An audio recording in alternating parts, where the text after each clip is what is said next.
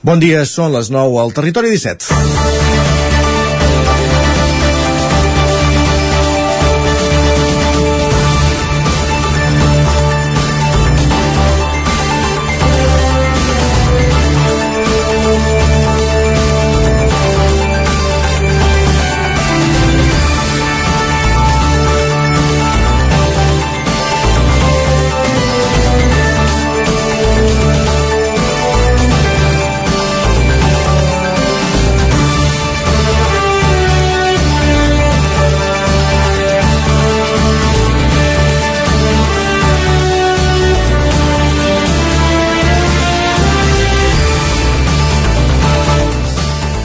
I va sonar la campanada, la matinada de diumenge, en el moment de donar a conèixer el palmarès del 45è Carnaval de Terra Endins, de la mateixa manera que va sonar l'any 2020, quan una colla històrica, amb bona progressió els darrers anys, però que mai havia guanyat ni, si es, ni se l'esperava al podi, els Picats de Borgunyà, va ser la que més va seduir el jurat, gesta que repetia l'any passat, una altra colla que arriba al quart de segle aconseguia contra tot pronòstic ser la més valorada del Carnaval de Torelló aquest, aquest cap de setmana passat. Triquinyolis i Descolla, la unió temporal de carrosses de dues històriques que van fer el tom de la festa de la disbauxa a principis de segle, presentaven dissabte una carrossa que afegia el control remot als moviments i la il·luminació de la carrossa i comparsa per fer aixecar un gegant en plena rua quan ningú s'ho esperava i colar-se entre el llop dels grillats, el gat de tres cues dels alletats, els insectes dels embolcats i el món postpandèmic dels picats. Una altra colla que escriu el seu nom amb lletres d'or en una edició multitudinària del Carnaval de Terra Endins, on si una cosa s'ha després són les ganes de disbauxa després de dues edicions marcades per la pandèmia. Si el resultat és el de menys, l'important és passar-ho bé. I a més, tot va anar bé, només podem desitjar-li llarga vida al Carnaval de Terra Endins avui que estem a 48 hores del dimecres de cendre per matar-ho tot fins i tot el rei de la festa. I mentre les olles d'Escudella ja comencen a treure fum a Castellterçol o Sant Feliu. És dilluns 20 de febrer de 2023. Comença el Territori 17 a la sintonia d'Ona Codinenca, Ràdio Cardedeu, la veu de Sant Joan, Ràdio Vic, el 9 FM i també Twitch, YouTube, el 9 TV i la xarxa més. Territori 17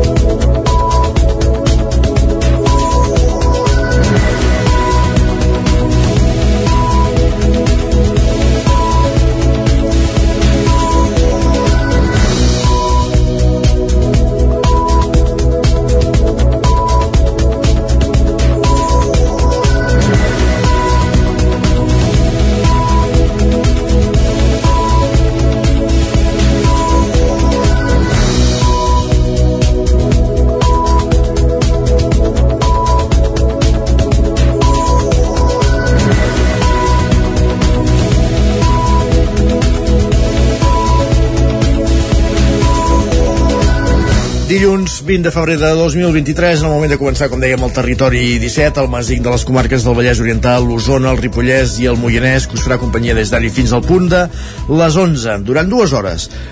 En aquesta primera mitja hora abordant l'actualitat de les nostres comarques en connexió amb les diferents emissores del territori 17 fent un cop d'ull també a la previsió del temps per les properes hores i fent un repàs també a les portades. Anirem al quiosc amb en Sergi Vives per saber quines són les portades dels diaris del dia.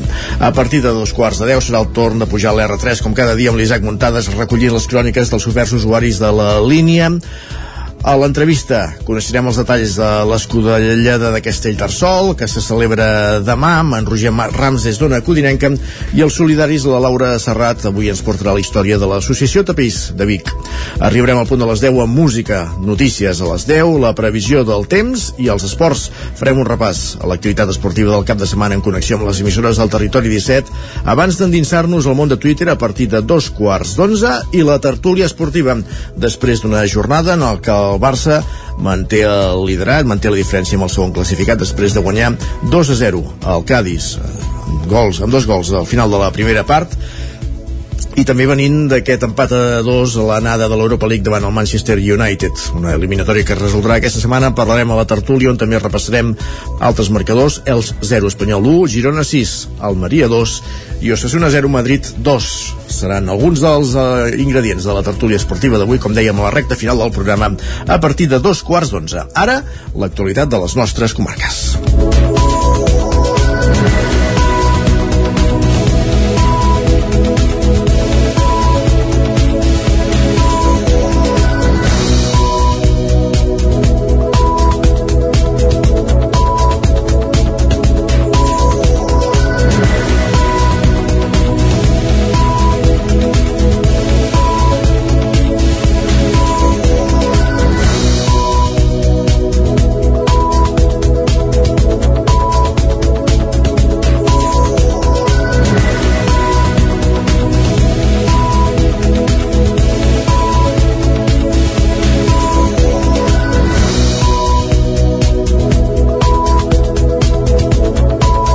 actualitat que passa pel Vallès Oriental. Els Mossos d'Esquadra detenen una persona presumptament relacionada amb la mort violenta d'un home a Vallgorguina, Pol Grau, Ràdio Televisió, Cardedeu. Els Mossos d'Esquadra de la comissaria de Sant Celoni han detingut un home presumptament relacionat amb la mort violenta d'un altre home de 38 anys a la La Barònia del Montseny de Vallgorguina. La Divisió d'Investigació Criminal de la Regió Policial Metropolitana Nord investiga la mort. Els fets van succeir al voltant de les 3 del matí quan els Mossos d'Esquadra van rebre un avís per adreçar-se a un domicili de la població, on presumptament s'hauria produït una discussió. En arribar al lloc dels fets, els agents van comprovar que hi havia un home sense senyals de vida. El sistema d'emergències mèdiques va certificar-ne la mort. Un indicatiu de seguretat ciutadana va detenir un home que es trobava al lloc dels fets i que presumptament estaria relacionat amb la mort. Efectius de la Divisió d'Investigació Criminal pertanyents a l'àrea d'investigació criminal de la regió metropolitana nord han obert una investigació per aclarir les circumstàncies de la mort. Gràcies, Pol. Encara en l'àmbit dels successos, els Mossos d'Esquadra continuen buscant Després de gairebé un mes, els implicats en l'homicidi que va tenir lloc al barri del Remei de Vic a finals de gener, Sergi Vives. La víctima va ser un home de 42 anys que va morir després d'una baralla de matinada. Un dels quatre agressors l'hauria colpejat al cap amb un objecte contundent que se sospita que va acabar provocant-li la mort. En un primer moment, l'home que estava greument ferit va rebutjar rebre assistència mèdica, però gairebé 24 hores després va requerir-ne. Tot i això va ser massa tard, ja que van arribar a l'Hospital de Vic amb poques possibilitats de superar supervivència. El van traslladar a l'Hospital Clínic de Barcelona, on va acabar morint diumenge 29 de gener a conseqüència de les lesions de la batussa. El motiu pel qual va haver-hi la baralla no ha transcendit. La investigació encara està sota secret d'actuacions. Més qüestions, la delegada del govern a la Catalunya Central i el també alcaldessa del Pens, Montse Berniol, diu que la intenció és que la comarca de Lluçanès vagi endavant, sí o sí. Abans d'aquests comicis, la comarca del Lluçanès podria ser realitat. Segons Barniol, hi ha temps suficient i només cal voluntat política per tirar-ho endavant. Una voluntat política que té tres potes, la del govern de la Generalitat en mans d'Esquerra, la de la resta de grups parlamentaris i els ajuntaments del Lluçanès. Si esperem el moment ideal, que no sé per qui serà el moment ideal, eh, jo el que els dic és que ens hi posem en el moment que tenim la força per fer-ho, que tenim la claretat i la voluntat de tirar-ho endavant i per tant ja hi han tots els elements sobre la taula perquè això se li doni sortida fruit d'uns resultats amb uns indicadors i uns condicionants que es va plantejar a la ciutadania quan se'ls va cridar a votar sobre aquesta qüestió. Aquests resultats de la consulta van tenir lloc al 2015. El sí va guanyar amb 8 dels 13 municipis. Pel que fa a la gestió dels pobles del no, Barniol apunta que la situació és la mateixa que llavors. És així com ha assegurat que el govern català té clara la intenció de tirar endavant la creació del Lluçanès. El govern té la intenció d'això que va endavant, sí o sí, sí Uh, què ha de passar perquè això, um, a part del govern, vagi endavant? Hi ha un tràmit parlamentari i per tant en aquest tràmit parlamentari esperem que aquells grups que sempre han donat suport uh, a aquesta iniciativa uh, continuïn donant-li suport ara, perquè el fet, el fet no ha canviat. L'acceleració d'aquest procés ha portat ja la qüestió a ser punt del dia en alguns plens. Per exemple, l'Ajuntament de Prats del Lluçanès va ratificar la setmana passada el seu compromís amb el govern per oficialitzar la nova comarca. Més qüestions. A, cinc, a Osona, el dels 50 municipis 19 tindran un canvi d'alcaldia segur a les eleccions del 28 de maig, ja que els actuals alcaldes ja han anunciat que no optaran a la reelecció. És, per exemple, el cas de Vic, Manlleu, Tona o Roda de Ter, Sergi. Aquesta xifra de renúncia suposa un increment del 33% respecte als últims comicis, quan més de dues terceres parts dels electes sí que van decidir tornar-se a presentar. Un dels que no es tornarà a presentar és l'alcalde de Roda de Ter, Roger Coromines el 2019 els meus companys i companyes ja els hi vaig traslladar que seria l'última vegada que, que, que entomava el repte doncs, d'encapçalar de, les llistes. Uh, i això ho tenia clar tant si érem al govern com érem a l'oposició. Sempre he defensat que uh, per l'Ajuntament és bo que hi passi el màxim de persones possibles. Per tant jo, tant a govern com a oposició he estat un període de 12 anys, tres legislatures que crec que és suficient al darrere hi ha causes comunes com el desgast de gestionar la pandèmia i els entrebancs vinculats a la crisi i la inflació. És el cas, per exemple, de l'alcalde de Perafita, Ramon Casals. La pandèmia va, com, va complicar molt la feina dels ajuntaments perquè les normes anaven canviant cada setmana o cada 15 dies, etc. Després, últimament, hem tingut una crisi que quan tenies un projecte a punt d'executar els tècnics et deien amb la pujada de preus que hi està ben és, és impossible fer això Aquest 2023 hi haurà renúncies en la capital de comarca, Vic, i en la segona població més gran, Manlleu. De moment hi ha 11 alcaldes que encara no s'han pronunciat i a l'altre plat de la balança sí que optaran a la reelecció com a mínim 20 dels actuals alcaldes. Alguns d'ells es van estrenar ara fa 4 anys, com la taradellenca Mercè Cabanes, Gerard Sancho a Sant Hipòlit o Carles Morera a Muntanyola. Més qüestions al Pla Local d'Igualtat i Diversitat Sexual afectiva i de gènere de Vigues i Riells del FAI avança a bon ritme segons les dues regidories que hi treballen. Roger Rams, Ona Codinenca. Des del passat mes d'octubre, el personal tècnic municipal treballa en aquest pla a través del recurs de la Diputació de Barcelona i aquest mes s'han fet dues sessions de formació al personal tècnic i també polític sobre perspectiva de gènere. D'una banda, el dia 8 de febrer es van dur a terme una aproximació al moviment feminista on es va exposar la piràmide de la violència que mostra la violència directa, la física i més visible al capdamunt, però s'incideix en la base, la violència simbòlica i l'estructural com a punt de partida. També en perspectiva LGTBI es van abordar abordar diversos conceptes i la necessitat de crear una xarxa d'iguals, de referents i d'entorns segurs al municipi. Maite Escobar és la regidora d'Igualtat. Eh, hem hem d'aconseguir arribar a una sèrie de mesures, a unes, a unes mesures que farem com a municipi, eh, accions molt concretes que consensuarem nosaltres, és el nostre, la, la nostra idea és consensuar-les amb les entitats municipals també i també eh, treballant amb els, eh, amb els treballadors del, del, de l'Ajuntament perquè al final seran els que eh, aplicaran totes aquestes mesures que, que, de, que, que decidirem. Pues serà tota una relació de mesures que tindrem uns tempos per, per posar-les en marxa i, i un control eh, d'una comissió que vetllarà perquè aquestes mesures es posin en marxa D'altra banda, aquest dimecres s'ha dut a terme la segona sessió de formació del personal en perspectiva de gènere. Aquesta segona part s'ha centrat en la creació de polítiques públiques locals en perspectiva de gènere i LGTBI, eh, concretes en diversos àmbits. Des de l'octubre s'està elaborant també una diagnosi de les polítiques de gènere que vertebrarà aquest pla i ja s'han fet entrevistes al personal municipal per tal de conèixer el funcionament dels serveis i s'ofereix formació en polítiques d'igualtat i LGTBI. Eh, no només fos un pla d'igualtat eh, eh, a, a, a l'ús, sinó que fos amb una perspectiva també LGTBIQ+, donat que nosaltres tenim una regidoria específica en aquest camp, nosaltres treballem molt a, a la part les dues regidories i trobem que aquesta és l'oportunitat, a més a més, de que aquest pla d'igualtat que sigui per tot el municipi on participin tots els ciutadans i ciutadanes del, del municipi puguin dir la seva, també tingui aquesta perspectiva clarament LGTBIQ+. També hi ha prevista la creació d'un grup de discussió obert a la ciutadania, un grup de discussió amb entitats feministes i un amb l'alumnat delegat dels instituts. L'elaboració d'aquest pla s'allargarà fins a finals de curs, fins al juny, per tal de recollir de manera exhaustiva la situació del municipi i proposar accions viables. Gràcies, Roger. Més qüestions. El Departament d'Acció Climàtica, Alimentació i Agenda Rural presenta a GURB, els representants del sector agrícola i ramader, el model de producció agrària sostenible. Sergi.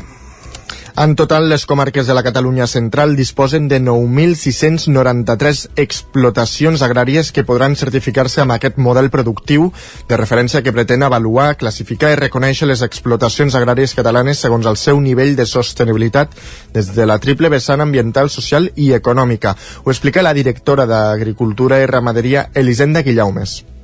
Posar en valor no? tot el que ja està fent el sector ecològic i que a més a més doncs, puguin acreditar altres aspectes que no es miren amb, la, amb la, el segell ecològic com pot ser els temes socials econòmics o altres temes més relacionats potser amb eficiència de l'aigua o aquests temes que no es miren amb el reglament europeu.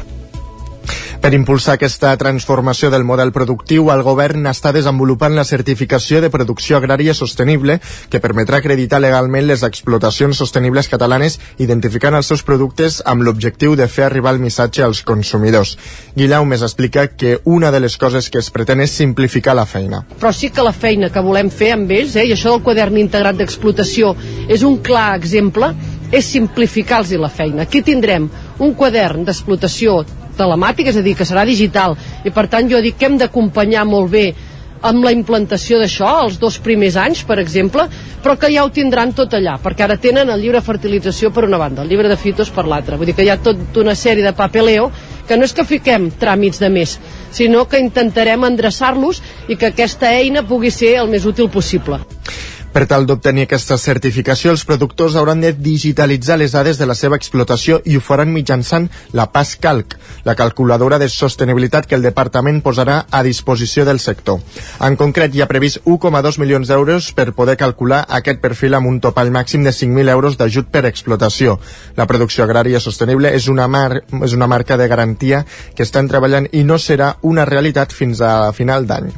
Més qüestions, la Sant Joanina Montserrat Barenys es converteix en la primera dona a donar el seu fons personal a l'arxiu Montserrat Tarradellas i Macià del monestir de Poblet. Isaac Muntades, la veu de Sant Joan. Dimecres passat, la veïna de Sant Joan de les Abadeses de 92 anys, Montserrat Barenys, va signar la donació del seu fons documental personal a l'arxiu Montserrat Tarradellas i Macià del monestir de Poblet, essent la primera dona de la història que ho fa. Barenys és barcelonina de naixement i té arrel reusenques, però resideix a Sant Joan. Al llarg de la seva vida ha recopilat un gran volum d'informació i documentació fruit de la seva trajectòria en defensa dels drets i de la llibertat. Barenys és una dona que ha lluitat contra el franquisme i la construcció de la democràcia, però que no ha tingut una repercussió tan destacada com alguns homes amb mèrits semblants. Concretament, la donació es concreta en 50 caixes amb fotografies, cartes, retalls i documents fruit de la seva implicació en la vida social i política i dels càrrecs nacionals i internacionals que va ocupar. La directora de l'AMTM, Núria Gavarró, que va assistir a l'acte amb l'abat del monestir de Poblet, Octavi Vila, va assenyalar la importància d'aquest fons. El fons llegat per la senyora Barenys és el testimoni d'una vida compromesa amb el país i una mostra ampla de la lluita que varen portar plegats homes i dones per a l'alliberament nacional i social de Catalunya. El seu fons,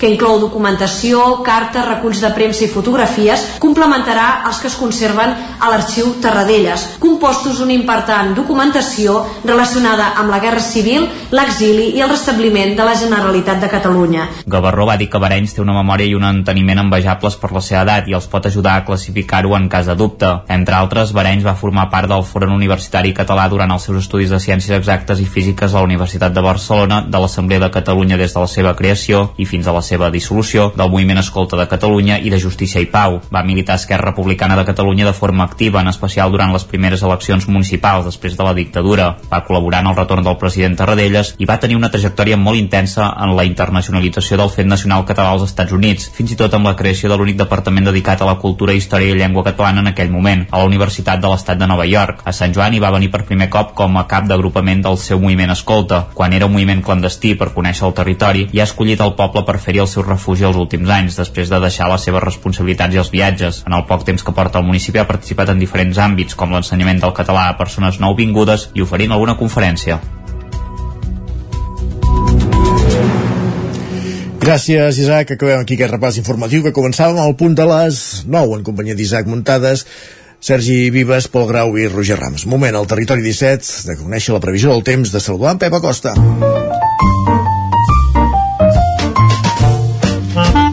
Casa Terradellos us ofereix el temps. Per tant, tornem a una codinenca, Pep. Bon dia.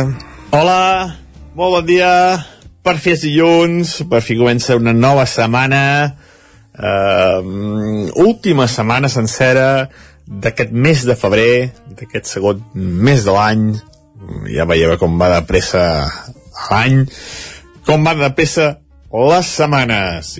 I avancem uh, ràpidament, ràpidament, cap a la, cap a la primavera, aquest cap de setmana unes temperatures eh, primaverals, les màximes sobretot, uns migdies molt suaus, i ha estat molt, molt bé, les nits encara una mica, mica fredes, però ni de bon tros ja, ja, ja, ja no hi ha ni glaçades tan, intens, tan intenses ni tan extenses com fa pocs dies.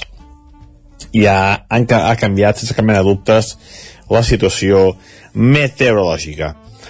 Uh, però, però, però, però, encara estem a l'hivern, encara pot fer uh, algunes, alguns dies, algunes setmanes d'hivern, i uh, jo crec que avui serà l'últim dia, uh, entre cometes, uh, podem dir, d'aquest temps primaveral, aquest temps primaveral que ha durat aquest cap de setmana, aquest anticicló tan ferm que tenim a sobre nostra, es va debilitant, es va debilitant, uh, avui no, eh? Uh, avui per això um, uh, com ho diria, avui es començaran a moure les peces, avui es començaran a moure les peces, uh, aquest anticicló, com deies, va debilitant, i avui ho farà una mica de vents marítims, uh, vents marítims que aquest matí encara no tindran influència, serà un matí molt assolellat, amb unes temperatures mínimes que han sigut suaus, moltes temperatures mínimes entre els 5 i els 10 graus, per tant, gens de fred aquesta nit, i aquest matí farà molt de sol, molt de sol, gaire cap núvol,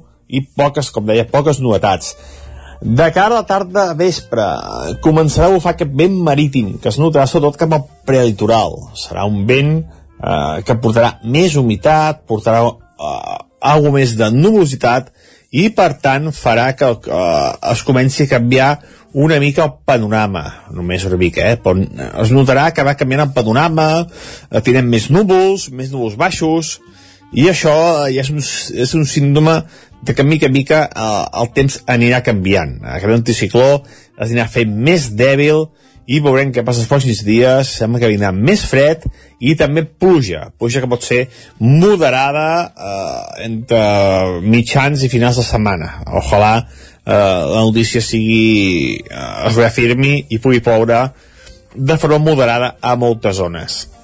Avui les temperatures màximes encara primaverals, la majoria màximes entre els 15, 20, 21, 22 graus a tot estirar. Per tant, unes temperatures eh, força, força primaverals a les hores centrals del dia.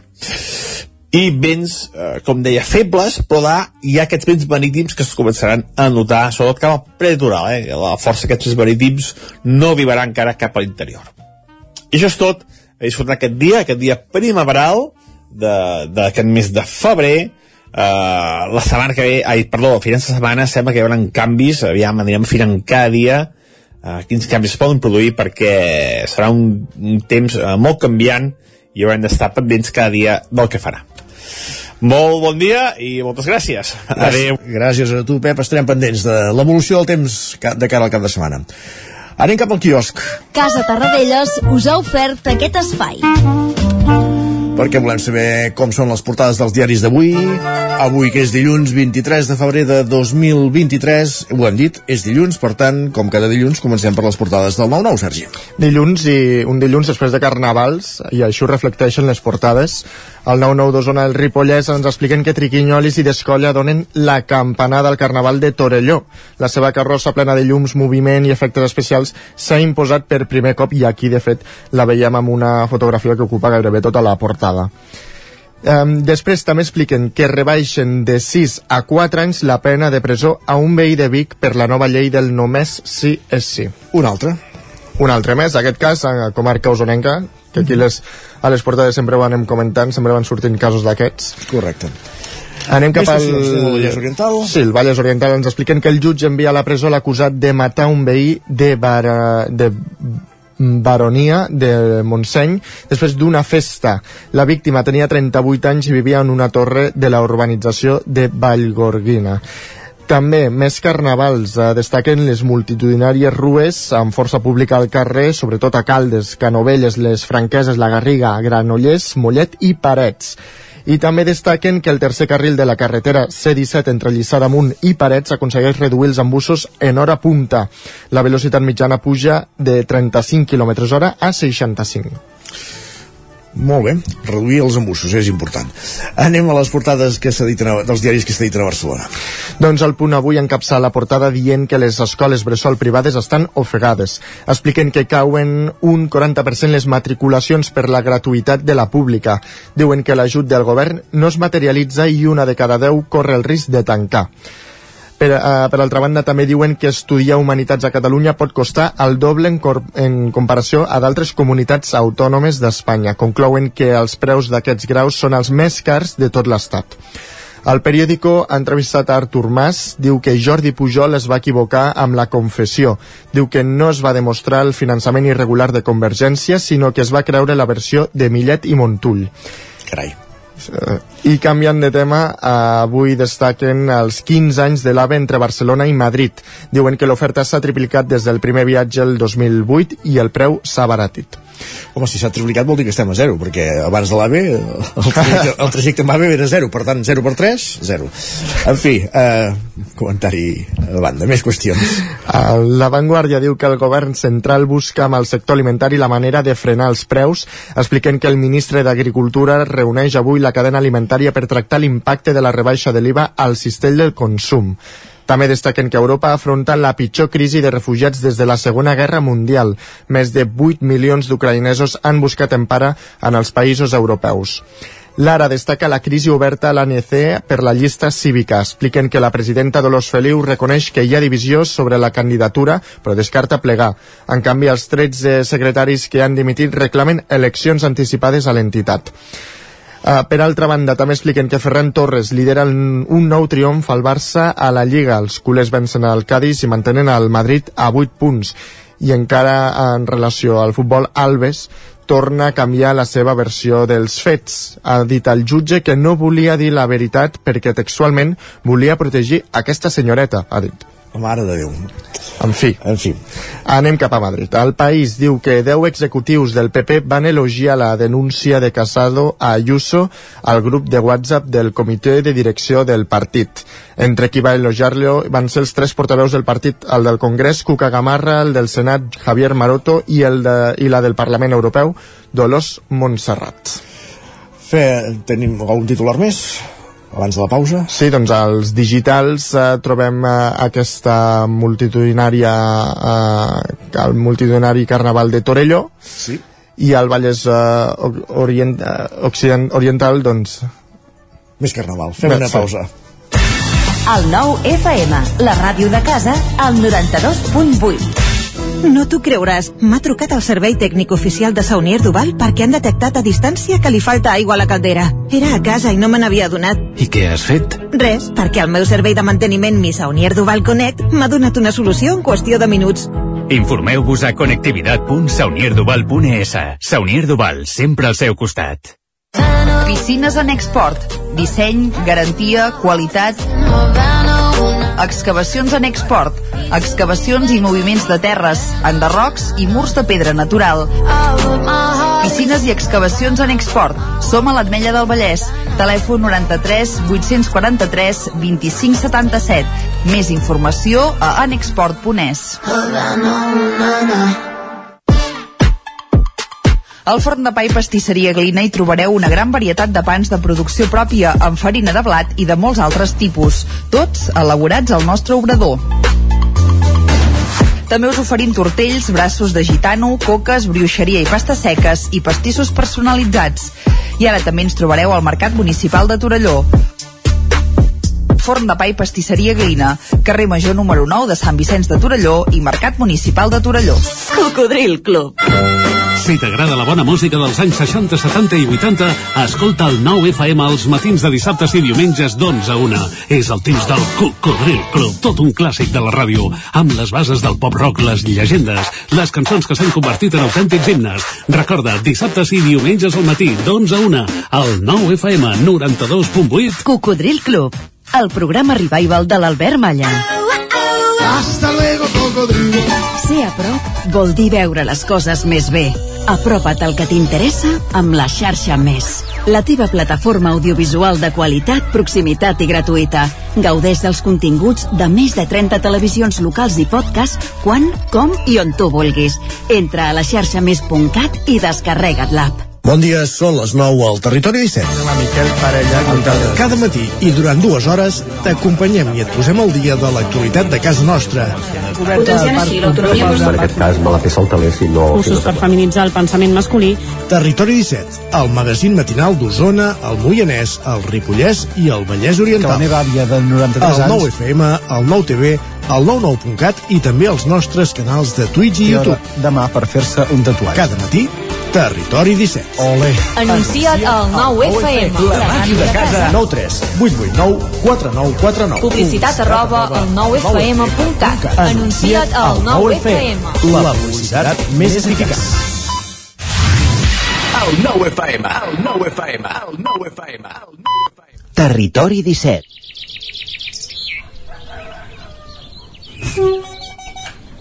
A Tren d'Alba. Cada dia els usuaris i usuàries de la línia R3 de Rodalies que veuen sortir el sol des d'un vagó ens expliquen les gràcies i les penes del primer comboi que uneix Ripoll i Barcelona o les feixugues jornades amb el tren després de treballar. Benvinguts a Tren d'Alba. Avui el Ministeri de Transport, Mobilitat i Agenda Urbana de l'Estat espanyol i Adif han presentat el disseny de la nova integració de la infraestructura ferroviària al seu pas per l'Hospitalet de Llobregat, que permetrà un augment de la funcionalitat i disponibilitat de les vies i la construcció d'una estació intermodal a la Torrassa. Encara no sabem quan costarà i estarà fet, però no serà a curt termini. Per anar esperant podem escoltar la crònica d'en Jordi Valls d'avui. Bon dia, sóc en Jordi de Centelles. Porto dijous, divendres i avui arribant en trens que arriben al minut. No sé, deu ser que ve el meteorit, s'acaba el món, no sé, eh? però al minut. Volem poder votar el maquinista del dia perquè, no sé, ràpid, tancar portes a pressa, genial, fantàstic, de gent bé, bé, bé, temperatura bé, no sé, no m'ho crec, no em puc queixar de la Renfe, com mola. Temes de conversa al tren. La batalla entre no sé a qui ha vingut, entre escola concertada, escola pública... Ai, Déu meu senyor, hem fet despertar a la gent del voltant perquè tinc unes companyes de tren que hi posen molta passió quan discuteixen i és molt divertit. I a les 6 del matí, que tela. No puc dir qui ha guanyat perquè no ha guanyat ningú, perquè tenim el sistema que tenim, igual que els hospitals que hi ha els públics i concertats, que tots són fundacions, però al final no deixa de ser una empresa privada. I aquí hem estat, mm, discussions filosòfiques d'un dissabte, ai, d'un dissabte, quines ganes de cap de setmana ja, d'un dilluns a les 6 del matí. Res més, cuideu-vos molt i ens veiem. Adéu. Jo tampoc m'ho acabo de creure això que hagis arribat 3 dies puntuals amb un tren de la Renfe, però aquestes bones ratxes solen anar precedides d'altres de negatives, o sigui que no cantis massa victòria encara. I déu nhi les discussions per ser un dilluns al matí. Si ja comenceu així no em vull imaginar de què parlareu el divendres. Va, ens retrobem demà amb més històries del tren i de l'R3. Territori 17, el 9 FM, la veu de Sant Joan, Ona Codinenca, Ràdio Cardedeu, Territori 17. Dos minuts que passen de dos quarts de deu del matí.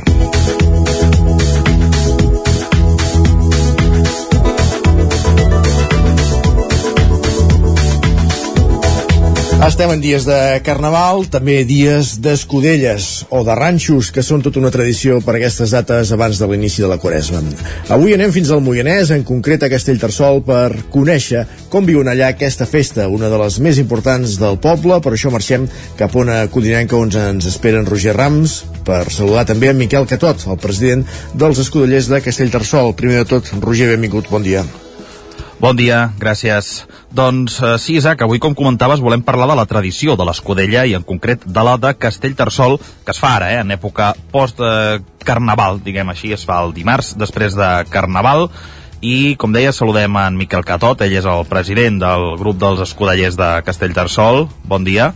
Bon dia. Uh, gràcies, uh, Miquel, per estar aquí amb uh, nosaltres. Uh, volia començar preguntant uh, que ens expliquessis una mica a l'audiència en què consisteix aquesta festa de l'Escudella de Castellterçol. Bueno, aqu aquesta festa de l'Escudella, doncs, consisteix en fer una escudella consistent, eh, base- basada en carn, eh, llard i oli i pasta, per, doncs, eh, perquè entràvem a Quaresma. La, la paraula, per exemple, carnaval, ja vol dir que a partir d'ara ja no hi ha carn, fins després de Pasqua. Abans la Quaresma és una cosa molt sèria. Nosaltres el que fem a la plaça Prat de la Riba, posem 28 calderes de 70 litres i doncs durant tot el matí cuinem doncs, aquesta escudella. Abans, a- ara ens deia que hi posen carn, llargs i pasta. Res de verdura? Sí.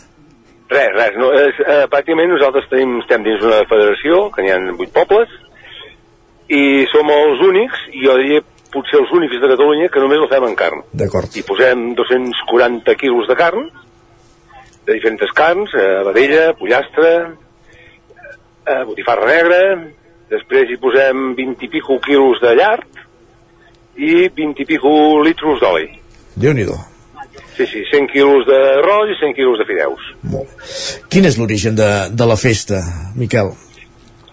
Va, aquests orígens, eh, eh, aviam, són uns orígens que costa molt de trobar-los, eh? Vull dir, tots venen de paraula. Eh, nosaltres el document més antic que tenim és del 1892. També hi ha un llibre que posa que el 1500 ja es feia, però to- totes les festes aquestes, totes es basa en, en el dia de Carnaval. El dia, aquest dia de Carnaval, que era el dimarts, era l'últim dia d'alegria.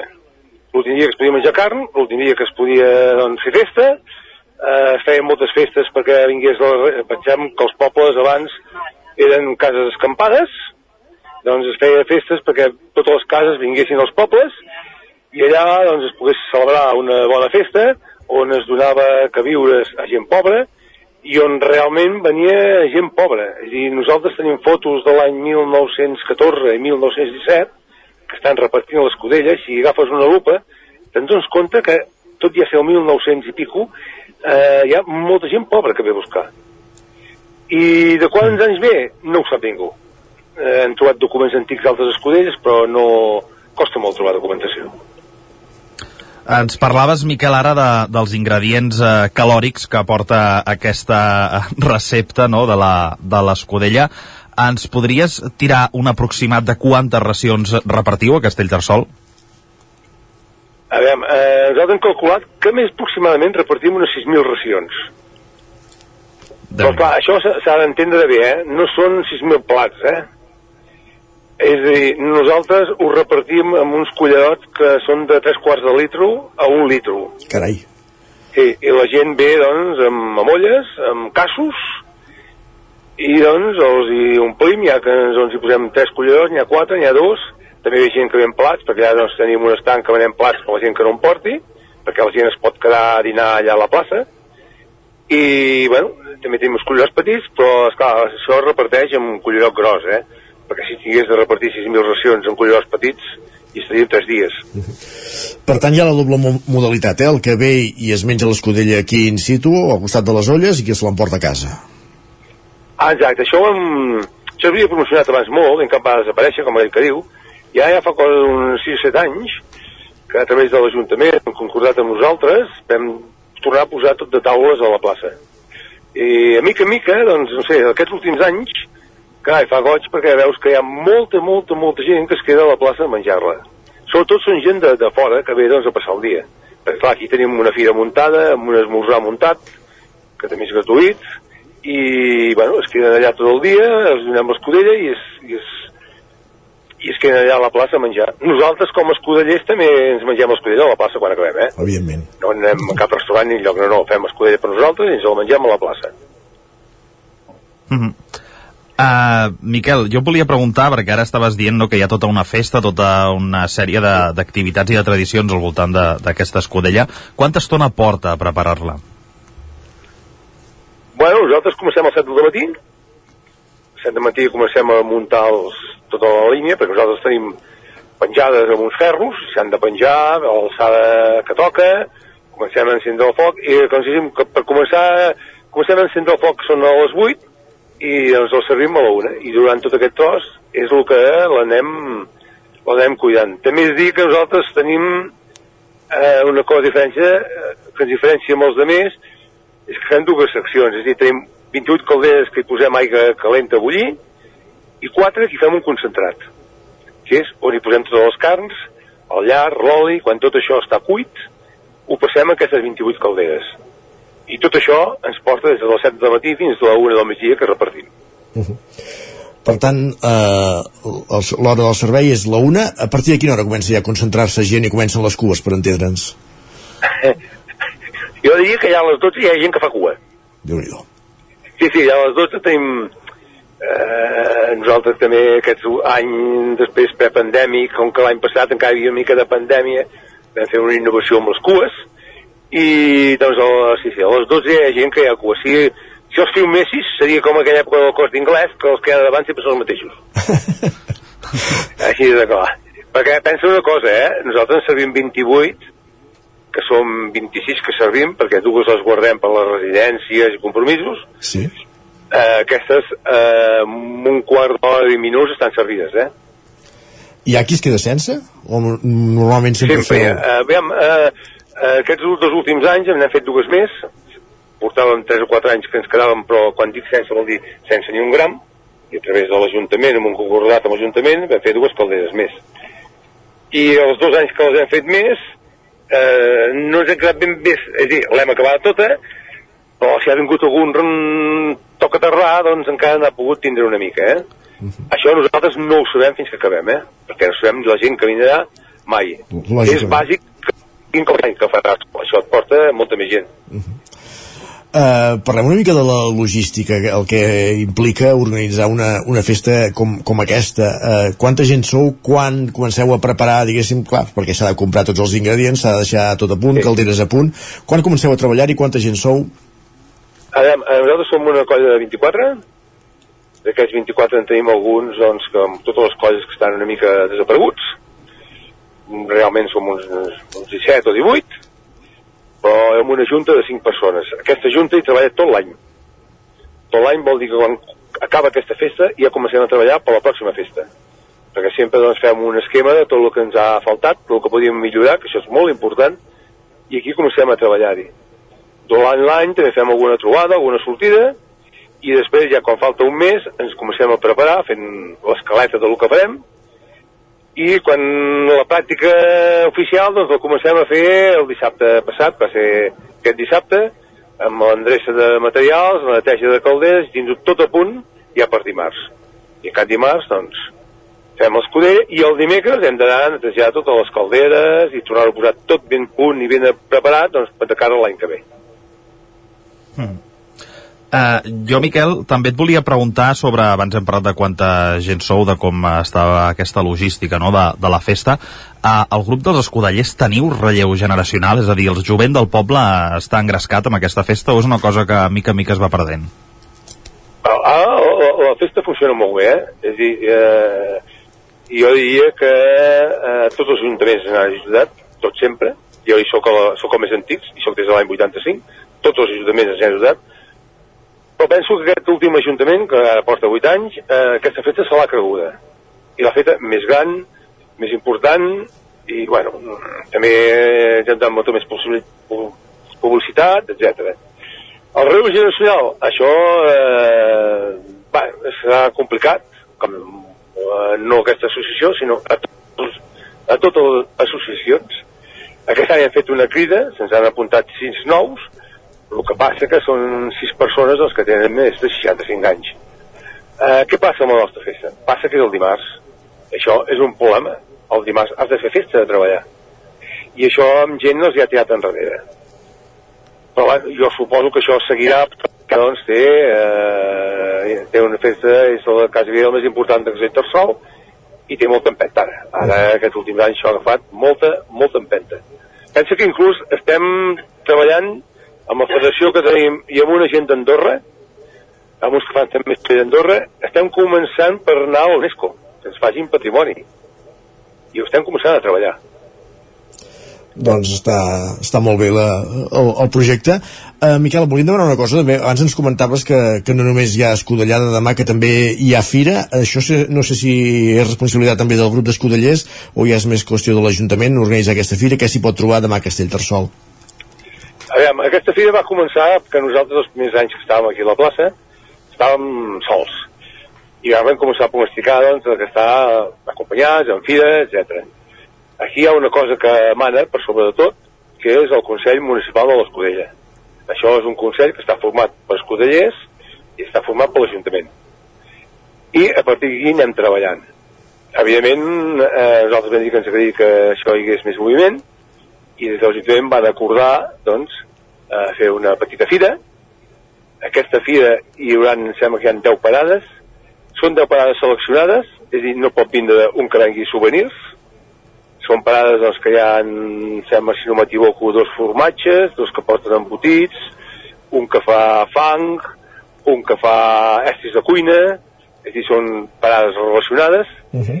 També hi solen haver-hi dos tallers, un de terrissa i un de culleres de cuina, i fan un esmorzar popular que tot això s'encarrega l'Ajuntament, perquè esclar, nosaltres aquell dia no ens podem encarregar de res.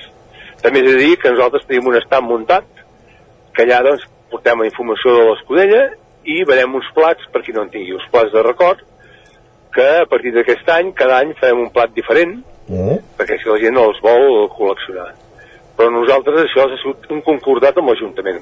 L'Ajuntament ha respost molt bé perquè se n'encarrega ella i doncs ha sigut un concordat total entre ell i nosaltres i ell no fa cap pas sense nosaltres. I, es diu, tenim això, que us sembla bé? No us sembla bé?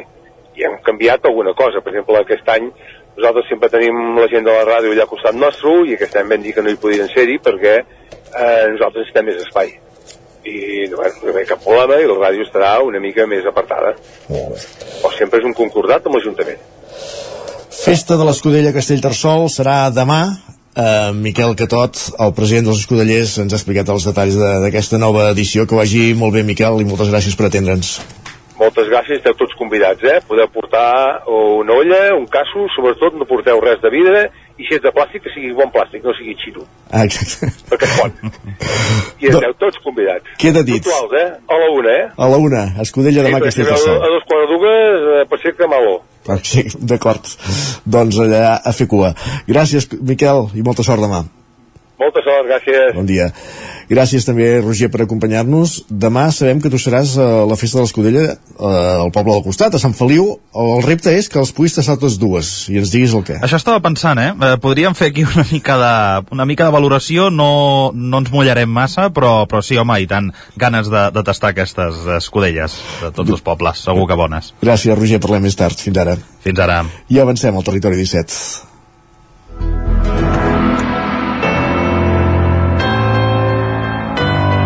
Territori, Territori 17. 17. Territori 17.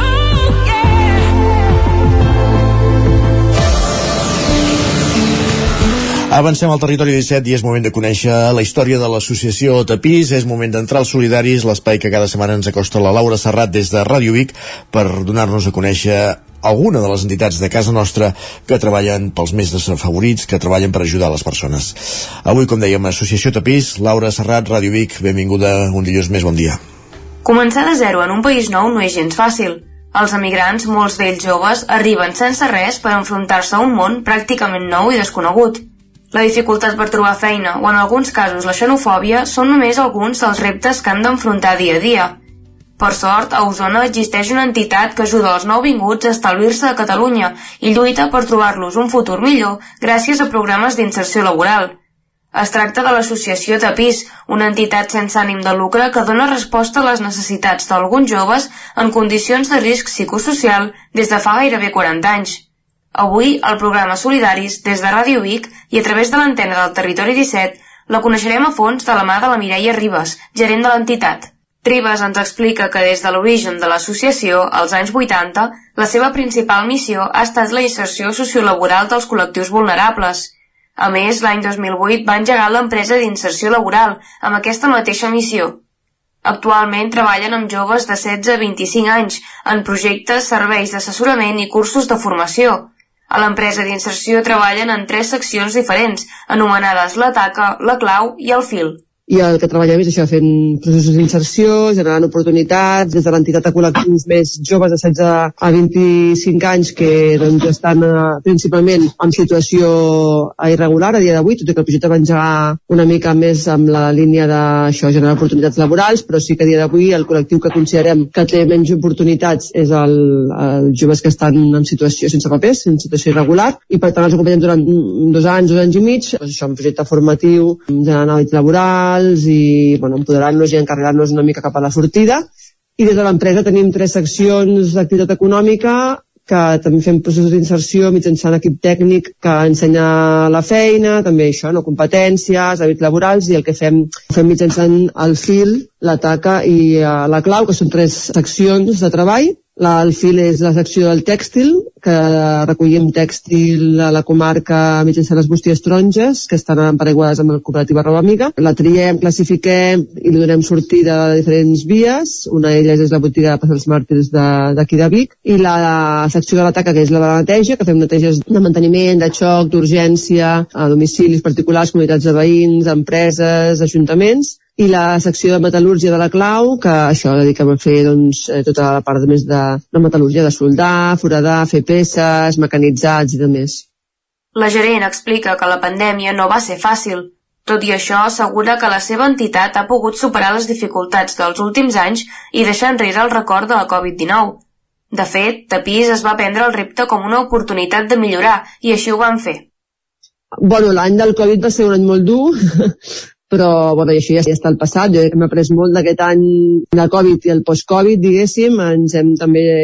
Jo ho he viscut com una oportunitat amb l'entitat, perquè al final també ens ha ajudat a donar-nos donar compte de que teníem algunes, alguns pendents i per tant això ens ha posat l'alerta i, i ens hi hem posat i per tant a dia d'avui podem dir doncs, que hi ha coses que estan més endreçades que abans però està clar que bueno, durant el Covid ho vam, ho vam patir i ja estem en un moment jo crec també de recuperació i el que entrem ara eh, ja el visualitzem com una nova era, com un nou paradigma de, de funcionament, no? perquè al final també doncs això, tot són etapes i ara sí que estem en una etapa doncs, diferent en la que però això, el Covid a nivell directament pel que fa, diguéssim, a EPIs i així, ja no és tan, eh, no, tan, tan present, però home, està clar que sí que encara continua havent i per tant tenim encara mesures de prevenció, però sí que és veritat que això que no ens afecta tan directament. Ribas assegura que passar per la pandèmia va ser un tràngol pels seus usuaris.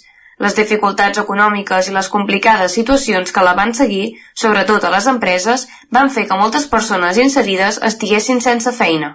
Bueno, durant el Covid ho vam viure molt, mala, molt malament com la gran majoria de, de persones, tant pel tema, òbviament, que estava passant de, de pandèmia com pel tema econòmic, com dius, perquè, clar, eh, des de l'empresa, l'entitat vam haver de fer una, no, els ERTOs i això, clar, va afectar directament a la gran majoria de persones d'inserció que, exceptuant els de la recollida, que aquests sí que els vam haver de mantenir perquè havíem de continuar recollint roba, el tèxtil, doncs estaven sense treballar i com moltíssima gent també va passar, no, doncs a, els va desbordar l'administració i els ERTOs no, no es pagaven. Llavors, clar, aquí vam haver de fer ajudes econòmiques, avançaments i també ajudes inclús amb, amb coses coses d'informàtica pels fills i filles d'aquestes persones que tenem o inclús també amb el suport de consum també doncs, ens van donar aliments no? bueno, això les persones ja tornen a estar treballant i per tant d'alguna manera el que és l'impacte econòmic del Covid en si no, els que estan a l'empresa d'inserció amb el seu sou mensual òbviament hi ha un altre tema que és el tema de si els sous estan a nivell de, no, de la crisi econòmica que estem vivint que això també ho estem pagant tothom no? i ells que tenen doncs, que pagar habitatges i així doncs, doncs això és difícil d'arribar arribar a final de mes, però això ja és un, un altre capítol diferent que seria diferent al Covid, diguéssim. La gerent ens parla de les dificultats diàries que enfronten els seus usuaris. Moltes vegades es tracta d'un col·lectiu de difícil inserció, sense hàbits laborals i que parlen un idioma diferent. L'idiomàtic, per exemple, és també un dels reptes de la mateixa entitat col·lectiu que tenem nosaltres és un col·lectiu de difícil inserció, moltes vegades doncs, no tenen hàbits laborals, ens costa moltíssim el tema idiomàtic, a vegades també tenim moltes dificultats a nivell idiomàtic perquè entenguin i que els fem fer formacions de català, perquè nosaltres ens hem de preparar perquè quan sortim de, de tapís, som una empresa trampolí, que sempre dic jo, no? que és com una empresa de pas, estiguin preparats per l'empresa ordinària. Hi ha unes mínimes exigències que també les tenim tapís, però clar, nosaltres les anem incorporant de forma més regular, perquè quan entren, diguéssim, encara no tenen hàbits laborals, o si es competències tampoc les tenen, no coneixen el sistema laboral com va, una simple doncs, que el metge han de portar justificant, moltes vegades doncs, no, no, no estan acostumats i, i el tema idiomàtic doncs, dificulta sovint que t'entenguin, hi, hi ha complicacions d'aquest tipus a, a nivell de, del dia a dia. Després, clar, per la inserció sí que trobem que hi ha dificultats en quant a les empreses ordinàries. Jo parlo de la comarca d'Osona perquè és la que conec, però segurament que això es podria extendre a altres, no? Les empreses ordinàries sovint costa que obrin la porta a, a certs col·lectius no? D'alguna manera, eh, tant per l'empresa d'iniciació com per l'entitat, no? L'entitat també eh, fa processos de regularització amb joves, però la regularització, diguéssim, és com un impàs que hem de fer perquè tinguin també l'oportunitat laboral. I sovint costa perquè els joves també, doncs, a banda de, són d'altres orígens o són joves, no? Tenen poca experiència, però són hipervàlids, no? Nosaltres ens ho demostren en dos anys que passen per tapís i els hem vist dia a dia mm, treballant en el taller o fent també feines que externalitzen a la comarca alguna empresa i costa, no? Costa molt que eh, les empreses eh, obrin les portes i diguin, va, doncs una oportunitat perquè aquest jove d'alguna manera, doncs, o aquesta persona d'inserció d'alguna manera, doncs tingui una oportunitat i costa molt. Bueno, hem d'anar picant pedra. Jo, jo soc molt optimista i sé que, que això anirà canviant, però a dia d'avui doncs, és un hàndicap que tenim també les empreses d'inserció. També ens parla de certes reticències per part de la societat, però també per part de les empreses ordinàries. Lamenta que en més d'una ocasió no acudeixin a les empreses d'inserció quan han de cobrir una vacant de feina que d'alguna manera les empreses ordinàries apostessin també per, per inserir persones de l'empresa d'inserció, no? D'alguna manera que quan tinguin una oferta de feina, doncs també ens vingui a picar a la porta de l'empresa d'inserció i ens diguin, Tapís, tenim algun perfil que compleixi no? aquesta candidatura, aquesta, aquesta oferta de feina o ens la facin arribar, igual que també quan tenim a Tapís una oferta la socialitzem, no? també d'alguna manera amb, amb diferents agents que poden també detectar persones que puguin complir els requisits que per una oferta de feina, doncs que també pugui ser així, no? que les empreses ordinàries quan tinguin aquestes ofertes també puguin arribar les empreses d'inserció, que també puguin optar-hi no? a, a aquestes ofertes, que es tinguin en compte que també pues, això són persones que venen preparades per una empresa d'inserció, són persones que, està, que són vàlides, òbviament una persona que està formada des de la secció de neteja, per exemple, doncs clar, sempre fem l'educador social de l'empresa, doncs sempre busca ofertes de feina que siguin vinculades amb temes de neteja, que al final és el que Tapís l'ha format i l'ha preparat, no? a part de tota la part més transversal, de formació transversal, i llavors aquí és com una persona que és igualment vàlida que una persona que vingui d'un altre recurs derivat eh, no? d'una ETT o qualsevol altre lloc, no? al final és una persona que inclús diria que això que està formada i que té el segell d'una empresa d'inserció que l'ha estat acompanyant durant un temps. A Tapís també tenim una consigna que és que, que quan la persona d'inserció o el jove de l'entitat no està preparat per treballar a fora, diguéssim, a una empresa ordinària, el seguim preparant nosaltres perquè faci el clic que diem no? i estigui preparat perquè realment després quan insereixi estigui ben preparat, que no es trobi l'empresa que, que obre les portes d'una oportunitat amb una mala experiència, no? I també això ens, ens va en contra. Vull dir que hem fet moltes insercions per sobre aquest any 2022 també, encara no tinc les dades del tot perquè estic acabant de recollir la memòria, però sí que a nivell de joves, per exemple, s'han fet més de 10 i 15 insercions i per tant això és tot un èxit, però és veritat que clar, que, que costa, que costa, que hi ha empreses que van obrint la porta però que costa. Ribas assegura que, tot i això, de consciència a Osona en tenim. Aquest reconeixement es fa més i més necessari a mesura que augmenten les dificultats pels col·lectius que tenen. L'entitat ha constatat que els usuaris són cada vegada més vulnerables i les dificultats econòmiques són cada vegada majors. Però les dificultats no espanten ni de lluny a tots aquells que formen part de l'entitat i lluiten per continuar fent possible la seva labor. La gerent ens parla de la situació econòmica de l'entitat, l'associació Tapís per una banda i l'empresa d'inserció laboral per l'altra. L'associació Tapís, els ingressos els traiem aproximadament un 70, 80 quasi per cent de, de subvencions públiques, privades, ja sigui de la Diputació, la Generalitat, de l'Ajuntament de la comarca de Vic, Manlleu, Consell Comarcal, Mancomunitat, vull dir una mica el que són les administracions més locals comarcals i la Generalitat i Diputació, i també de finançaments privats que ens van d'alguna manera col·laborant de forma bastant fidels, no? com podria ser doncs, la Fundació Josep Mareix, Puigporrer, Lloret, Casa Misericòrdia, hi ha també Girbau, que també estan al peu del canó, bueno, no? hi, ha, hi ha diferents entitats privades que ens van col·laborant en projectes o amb diferents estratègies de futur que tenim, i per tant això podríem dir que hi ha un 80% de finançament de fora i un 20-22% que és un finançament propi, perquè sí que des dels projectes de joves doncs, hi ha una part que ells, mitjançant les seves hores de taller, ells cobren una, ells i elles cobren unes beques salari, uns incentius de participació, i que la gran majoria d'aquests incentius es cobreixen amb el seu finançament propi del taller que fem doncs, tallers de paper reciclat també per a escoles i en, àmbit més privat o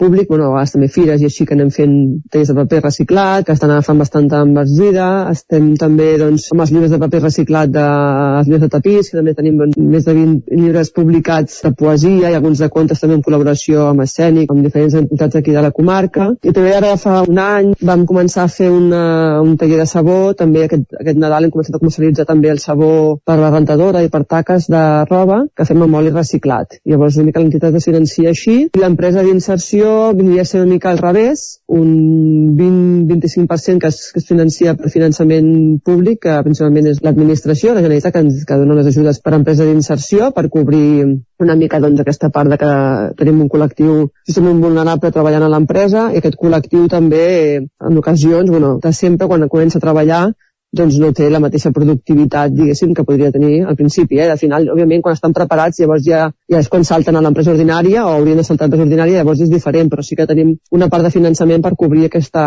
doncs, aquest ritme que és diferent a l'empresa ordinària o a vegades també doncs, a la part de la, de la metal·lurgia doncs, tenim mermes de producció quan comencen a soldar que solden malament i tenim doncs, material que han de llançar i coses així i tenim un, un 75-80% de finançament propi que això el, el propi és com que som una empresa d'inserció però som una empresa doncs tenim tota la part de serveis i productivitat no? que anem facturant als diferents clients i clientes que d'alguna manera doncs, també ens tenen confiança i anem pagant doncs, tota l'estructura des d'aquí. En un futur proper l'entitat pensa en mudança. Tapís es trobarà aviat en una nova nau més àmplia per encabir el seu creixement i més apta per les seves necessitats.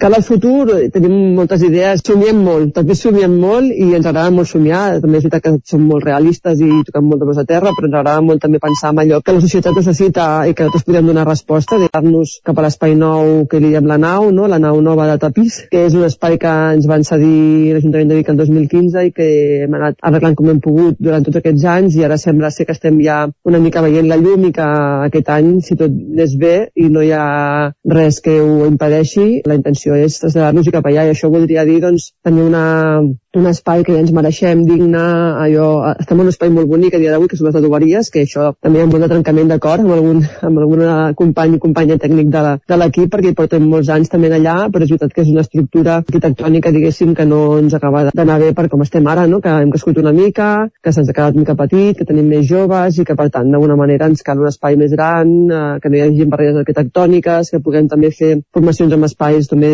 doncs, adequats i, per tant, en allà ho tindrem, no? I en allà també, doncs, a nivell també jo com a gestió de l'equip i gestió de projectes de la gerència d'entitat i d'empresa, també, òbviament, allà tot el que sigui l'eficiència de, de la comunicació, l'eficiència de recursos, perquè, clar, deixarem també de pagar segons quins altres despeses de, de subministraments d'un altre lloc o de telèfon, i això també hauria de, de ser un aspecte a, a tenir en compte, no? Però sobretot per aquesta part també de, de cohesió d'equip i que tindrem uns espais doncs, molt... Llavors sí que cal al futur tenim diferents línies, eh? però, però potser que hi ha aquesta part que, és, que ens uneix a totes les... Som equip tècnic de 15 persones i sí que veiem que aquest projecte ens uneix molt perquè estarem tots allà, allà dintre, no? A les oficines i uns espais allò, doncs, fets molt, molt amb molt d'amor. Jo crec que això, això ja s'ho val. El futur ideal per Tapís seria que no hi hagués la necessitat d'oferir l'ajuda que ofereixen. Tot i això, són conscients que la seva feina continua sent molt important i esperen poder continuar els projectes que tenen en marxa i començar-ne de nous. Tapís porta ja una quarantena d'anys treballant a Osona per donar una nova oportunitat a tots els nouvinguts i encara té corda per seguir ajudant i brindant oportunitats a totes les persones que arriben a la comarca durant molts anys més.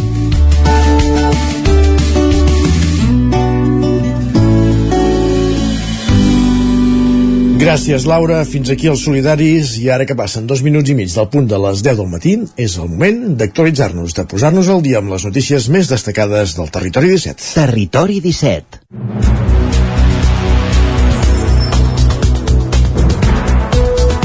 Les comarques del territori 17, que són el Vallès Oriental, l'Osona, el Ripollès i el Moianès, i una informació, un repàs informatiu, que fem en connexió amb les diferents emissores que dia a dia fan possible aquest programa, on acudinem que Ràdio Cardedeu, la veu de Sant Joan, Ràdio Vic, el 9 FM, ens podeu veure també a través de YouTube, Twitch, el 9 TV i la xarxa més. La carrossa 3.0 de Triquinyolis i d'Escolla dona la campanada a Torelló, amb Baucats i Picats van completar el podi de la categoria mentre que Troneres, Carnacep i Quim Cacau han estat les millors carrosses. Ben, Sergi Vives. Triquinyolis i d'Escolla, la colla sortint de la fusió de dues històriques de la Rua de Torelló, que sempre havien tingut participacions discretes, han estat la guanyadora de la 45a edició del Carnaval de Terra Endins. Presentaven un- una carrossa 3.0 que, a més d'elements mecànics i pneumàtics per fer moviments, incorporava la seva gestió digital i remota. Així, en el moment de passar pel jurat, es va activar de cop els moviments de la figura que presidia la plataforma, que es va aixecar de cop al ritme de la música, així com diferents elements de la llum imatge de la carrossa i les diferents i les disfresses inspirades en una família de superherois. El podi el van completar els embaucats, amb una plataforma presidida per dos grans insectes, i els picats de Borgonyà, guanyadors en les dues edicions anteriors amb una carrossa de guerrers, una tribu situada en un món postpandèmic que venia a salvar la humanitat. En la categoria B no va haver-hi sorpresa i els troneres de Taradell van ser la proposta més valorada pel jurat i acumula la cinquena victòria consecutiva a la Rua de Torelló. Els camaleons de Carnacep, de Santa Eugènia i els amantis de Quin Cacau van completar el podi. Els grillats, quarts a la, a la categoria A, es van endur l'accèssit a la sostenibilitat, un accèssit que no concede, concedeix el jurat, sinó que parteix de la puntuació d'un seguit de criteris ambientals. Els empescats es van emportar l'accèssit de maquillatge, un diumenge qualsevol al de la sàtira, amics i parets al de la posada en escena i la colla del Joanot al vestuari. Encara el Carnaval de Torelló, després de celebrar la rua multitudinària dissabte, l'Ajuntament està treballant en el projecte d'una escola de carrossaires per incentivar la formació dels oficis que es necessiten en la construcció de carrosses. El gruix de les carrosses de colles de Torelló que es fan a l'antic magatzem de Can Cata, espai que comparteixen des de l'any 2010, s'ha convertit en un lloc d'intercanvi de coneixements i també de compartir material entre els diferents grups. L'Ajuntament va comptar va comprar l'edifici ara fa dos anys per consolidar l'espai de construcció de les carrosses, però també amb la perspectiva de crear una escola de carrossaires. Des de finals del 2022 s'han incorporat un tècnic que està redactant el projecte. Ho explica l'alcalde Marcel Ortuño. l'escola de carrossaires que seria doncs, implicar tots els oficis que tenen a veure amb la construcció de carrosses com puguin ser pintura, soldadura, electricitat, confecció textil poder-hi trobar eh, la manera de donar-hi continuïtat i formació L'Ajuntament està treballant amb els departaments d'Educació i Treball per poder fer formacions i expedir títols amb diferents nivells que siguin reconeguts per les empreses del sector i que, per tant, contribueixin a fomentar la inserció laboral. A l'Escola de Carrossaires també es pretén que s'hi vinculi l'Institut Sirvianum a través de batxillerat artístic. Les diferents colles de Carnaval, Dani Tanyà i Òscar Rodríguez han fet saber que estan a favor d'aquesta iniciativa. Sempre i quan no sigui una cosa improvisada i d'allò i es treballi bé i, i d'allò pot ser una, una idea bona, tant a nivell de gent que perquè prengui oficis, que em sembla que és una de les idees que tenen, com per tenir relleu i, i gent i sang nova a treballar. Que falta que la gent s'animi a, a ser un carrossaire. I ser un carrossaire és aprendre pues, a soldar, a empapelar, noves tècniques que anem aprenent sempre, a pintar... Tot plegat, la rua de Carnaval de Terra Endins hi van desfilar més de 3.600 persones en el conjunt de carrosses. Més qüestions encara a l'àmbit precisament de l'ensenyament. L'Ajuntament de Caldes de Montbui posa en marxa una campanya de promoció de l'oferta educativa del poble, coincidint amb les jornades de portes obertes a les escoles. Roger Ram, zona codinenca.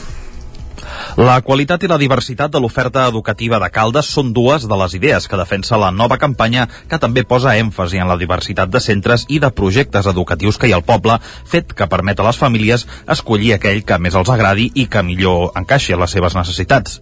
Entre els diversos missatges també destaquen els destinats a animar les famílies a conèixer de primera mà els centres educatius per lluitar contra rumors i prejudicis que es poden tenir sobre algun centre determinat. En aquest sentit, recorda que Caldes de Montbui és una zona educativa única amb la qual cosa les famílies poden escollir el centre educatiu que vulguin independentment del barri on es visqui, ho explica Josep Busquets, regidor d'Educació. Arran de les trobades que fem de la Comissió de Mapa Escolar i del Consell Escolar Municipal, des de l'Ajuntament vam creure convenient que calia potenciar, que calia fer promoció de l'oferta educativa de Caldes, posant èmfasi en la qualitat, l'excel·lència i la diversitat de centres i de projectes educatius eh, que hi ha a Caldes. Hem volgut iniciar la campanya coincidint amb, amb l'inici de les jornades de, de portes obertes dels centres educatius. En aquesta campanya hem volgut destacar diversos missatges, com per exemple els destinats a animar les famílies a conèixer de primera mà els centres educatius per, per lluitar així contra els rumors i els prejudicis que, que puguin tenir sobre algun determinat centre educatiu aquesta campanya es difondrà a través de dos canals. D'una banda, directament als centres educatius per tal d'arribar a les famílies amb infants en edat escolar i d'altra banda també a través de les xarxes socials per poder traslladar els missatges a tota la ciutadania. Les jornades de portes obertes comencen aquest proper dimarts, demà, dia 21, i s'allargaran durant quatre setmanes. Gràcies, Roger. Encara al Vallès Oriental, un apunt de successos per un incendi que ha afectat aquest cap de setmana a la Roca del Vallès, Pol Grau, Ràdio Televisió de Cardedeu.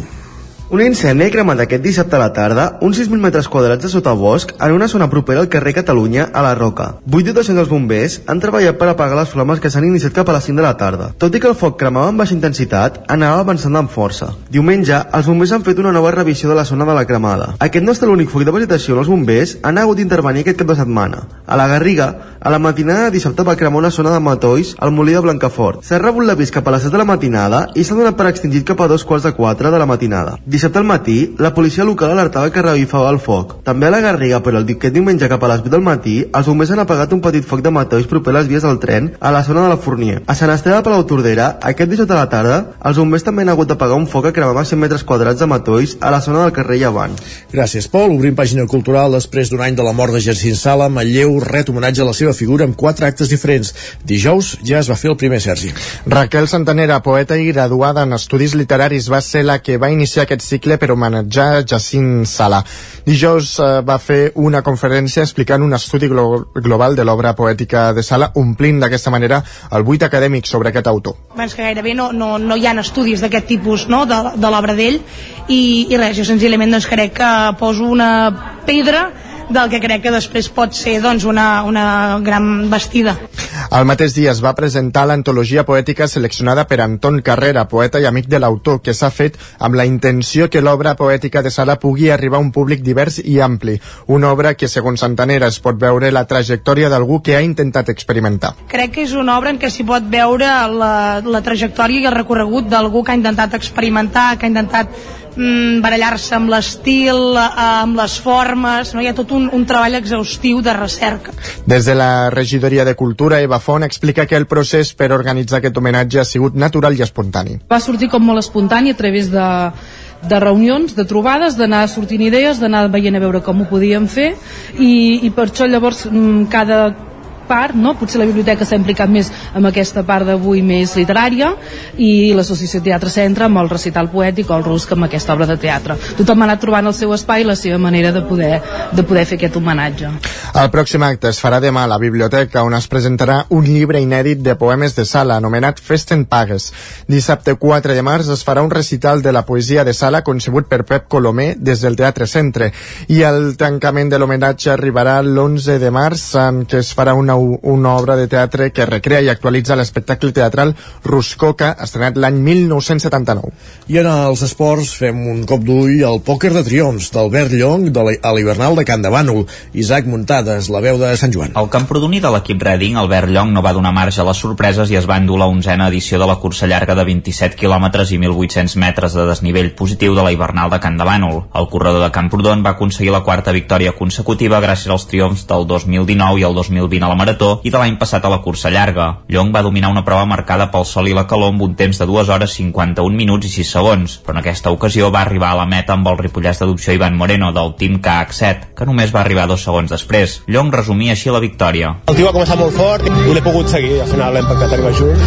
És que anàvem just tota l'estona, passa que primer anava l'Ivan apretant molt fort. Llavors, quan jo l'he donat al rei just en el tram, va, tiro jo, pensava que em seguiria, però s'ha quedat una mica endarrere i jo he anat seguint fins a dalt. Llavors a dalt sí que l'he esperat una miqueta, fins que ens hem juntat. La Cubil era el punt més alt d'una prova en què el podi el va completar Quim Duran a més de 8 minuts del vencedor. En la categoria femenina la victòria va ser per la corredora de Sant Bartomeu del Grau i del Nou H Esports, Anna Pujol, amb un temps de 3 hores 17 minuts i 20 segons. Podem escoltar-la. No m'agrada sortir davant perquè tothom surt molt ràpid i jo no sóc d'anar gaire ràpid, però sí que pujar se'm dona bé i és el meu fort i la gent com que li costa una mica més i jo vaig fent i vaig adelantant i em vaig posicionant, simplement faig la meva cursa i em surt bé.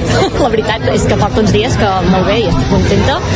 Tinc un entrenador i això ajuda molt, la veritat, perquè planifica com has d'entrenar, com no fer sobrecàrregues, com arribar bé als teus objectius. La camp de Banolenca de López va ser segona a més d'un quart d'hora de Pujol i el tercer esglaó del podi va ser per Taís Pentinat a mitja hora de la vencedora. En la cursa curta de 14 quilòmetres i 700 metres de desnivell positiu va vèncer Jordi Gallego amb un temps d'una hora 10 minuts i 37 segons. Jordi Pujol va arribar a 20 segons de Gallego, mentre que Eric Zurita va acabar tercer a menys d'un minut del primer classificat. Neus Guinovart es va imposar en dones amb comoditat per davant de Mireia Luixer i Ivet Navarro. La participació total entre les tres distàncies de la hivernal va rondar les 400 persones i la cursa de 14 quilòmetres va ser la que va tenir més participació. Casa Terradellos us ofereix el temps. I de la informació al temps, moment de saludar en Pep Acosta per saber quina, com evolucionarà la meteorologia. Pep, on acudirem? Que bon dia de nou. Hola, molt bon dia. Aquest matí farà molt de sol. Molt de sol, gaire cap núvol i poques, com deia, poques novetats. De cara a la tarda a vespre començarà a bufar aquest vent marítim que es notarà sobretot cap al prelitoral. Serà un vent eh, que portarà més humitat, portarà eh, alguna més de nuvolositat i per tant farà que eh, es comenci a canviar una mica el panorama, només una mica, eh? però es notarà que va canviant el panorama, eh, tindrem més núvols, més núvols baixos, i això eh, és, un, és un síndrome de que mica en mica eh, el temps anirà canviant. Aquest anticicló es anirà fent més dèbil i veurem què passa els pròxims dies. Sembla que vindrà més fred i també pluja, pluja que pot ser moderada eh, entre mitjans i finals de setmana. Ojalà eh, la notícia sigui eh, es reafirmi i pugui ploure de forma moderada a moltes zones. Avui les temperatures màximes encara primaverals la majoria màximes entre els 15, 20, 21, 22 graus a tot estirar. Per tant, unes temperatures eh, força, força primaverals a les hores centrals del dia. I vents, eh, com deia, febles, però là hi ha aquests vents marítims que es començaran a notar, sobretot cap al prelitoral, eh? la força d'aquests vents marítims no arribarà encara cap a l'interior. I això és tot, a disfrutar aquest dia, aquest dia primaveral d'aquest mes de febrer, Uh, la setmana que ve, ai, perdó, a finals de setmana sembla que hi haurà canvis, aviam, anirem afinant cada dia uh, quins canvis es poden produir perquè serà un, un temps uh, molt canviant i haurem d'estar pendents cada dia del que farà. Molt bon dia i moltes gràcies. Adéu. Casa Tarradellas us ha ofert aquest espai.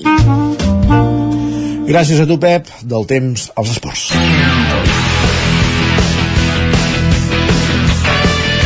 Un minut que passa d'un quart d'onze del matí, moment de parlar d'esports, de repassar la jornada esportiva del cap de setmana. Ho fem cada dilluns a aquesta hora al Territori 17, en roda per les diferents emissores del, del Territori 17, una d'elles, Ràdio Televisió Cardeu, on hi tenim ja en Pol Grau esperant-nos. Pol, Pol, benvingut, bon dia. Bon dia, bon dilluns. Bon dilluns. Com ha anat aquest cap de setmana sense jornada futbolística, com avançàvem divendres a, a l'agenda? Doncs pocs partits i algun malament. Doncs va, Comencem amb, amb bàsquet. A la Lliga EVA, el Granollers jugava a casa contra el Plus Ultra Seguro Roser, on perdia per 67 a 80 punts.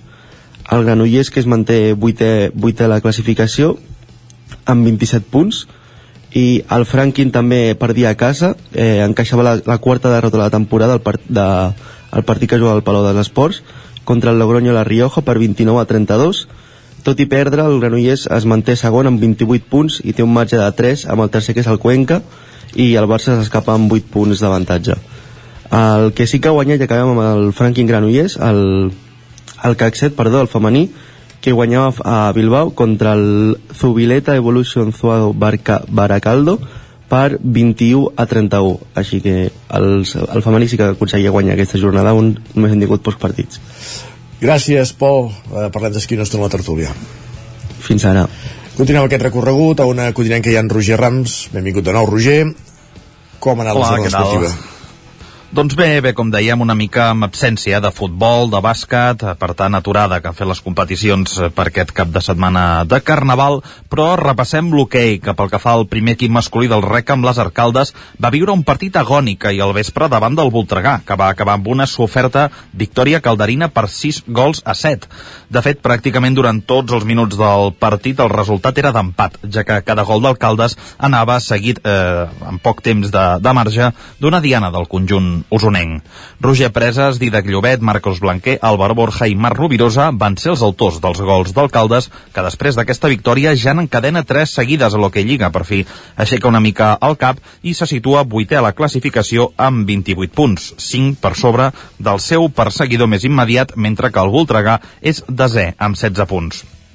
Pel que fa a l'hoquei femení, el primer equip del Vigues i Riells va caure novament a la Lliga en la seva visita al camp del Fraga per 3 gols a 1. Marta Borràs va ser l'única anotadora del conjunt visitant que, aquest sí, no trenca la seva mala ratxa que arrossega en aquesta Lliga i que se situa ara 11 amb 16 punts, una posició eh, perillosa i propera al descens.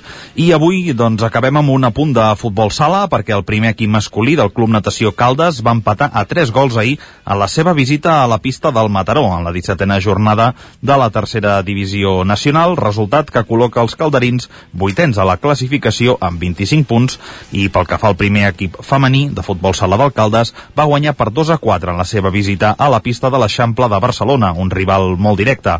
La victòria deixa les calderines en quarta posició, fet que les permet entrar de nou a la lluita pel títol. Gràcies, Roger. Més qüestions. La veu de Sant Joan, Isaac Muntades, benvinguts. Bon dia, bon dia. Com ha anat el cap Don... de setmana, esportivament parlant?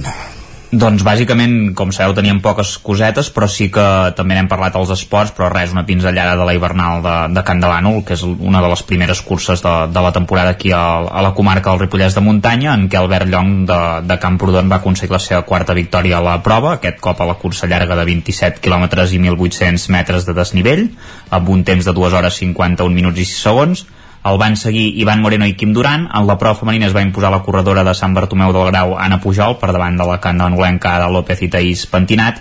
I pel que fa a la cursa de 14 km i 700 metres de desnivell positiu, va guanyar Jordi Gallego, seguit de Jordi Pujol i Eric Zurita, i en la categoria femenina Neus Guinovart, seguida de Mireia Luixer i Ivet Navarro, en una prova que entre les tres distàncies, les dues curses i la caminada, va comptar doncs, això amb unes 400 uh, persones en un dia força bo uh, pel que fa climatològicament parlant. Uh, pel que fa al, als esports de poliesportiu, l'Hockey Club Ripoll no ha començat bé la fase de descens de la nacional catalana, perquè va perdre per un ajustat 3 a 4 contra el Cerdanyola a casa.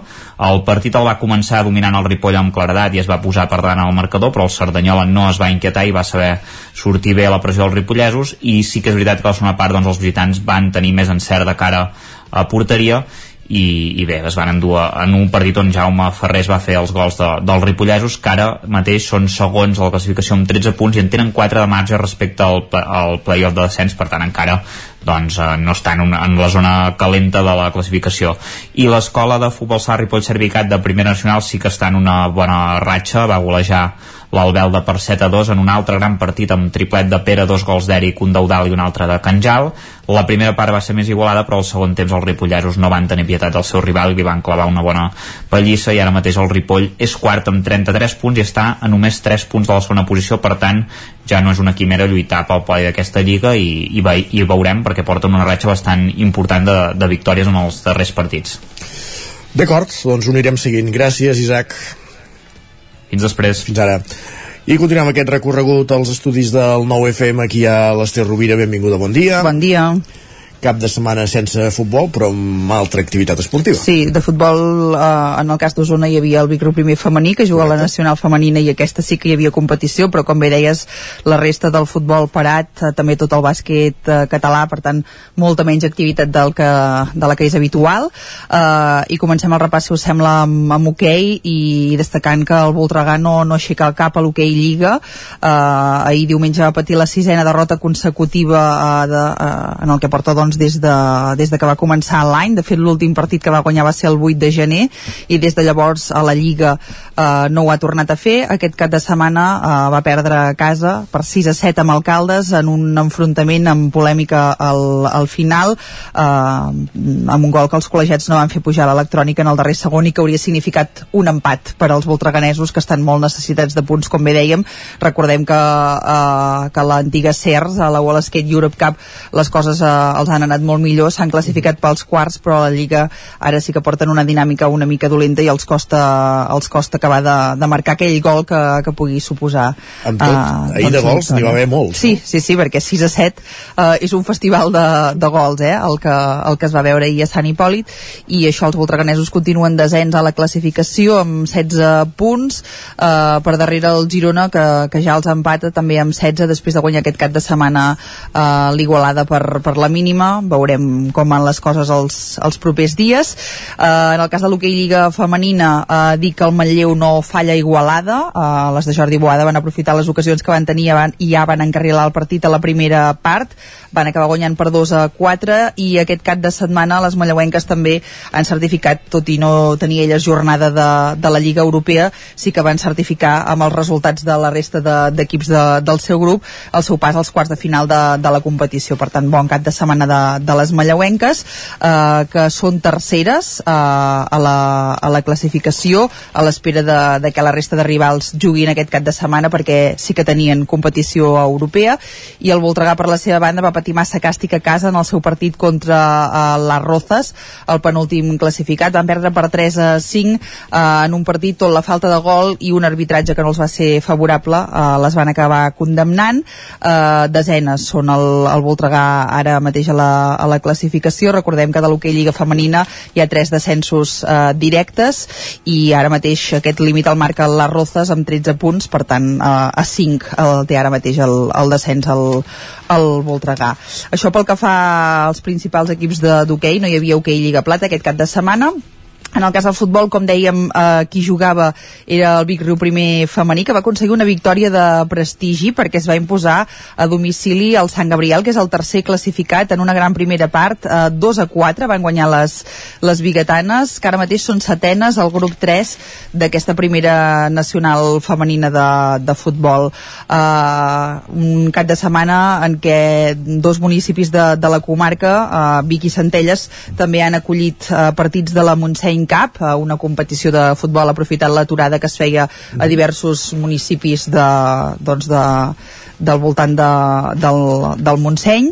Um, i això era tota la poca activitat futbolística que hi havia com és habitual coincidint amb el, amb el futbol també hi havia jornada, però, entre els principals equips d'altres esports, és sí. el cas de, del tenis taula, per exemple, eh, el Girbau Vic TT, que va tornar a disputar un doble partit aquest cap de setmana, eh, va imposar-se per 1 a 4 al Sant Cugat i va perdre per 4 a 3 contra el Son Cladera, eh, per tant, cara i creu aquest cap de setmana, com ja li va passar el cap de setmana passat, i eh, amb aquests resultats les eh, biguetanes que són cinquenes a la classificació classificació de la superdivisió femenina.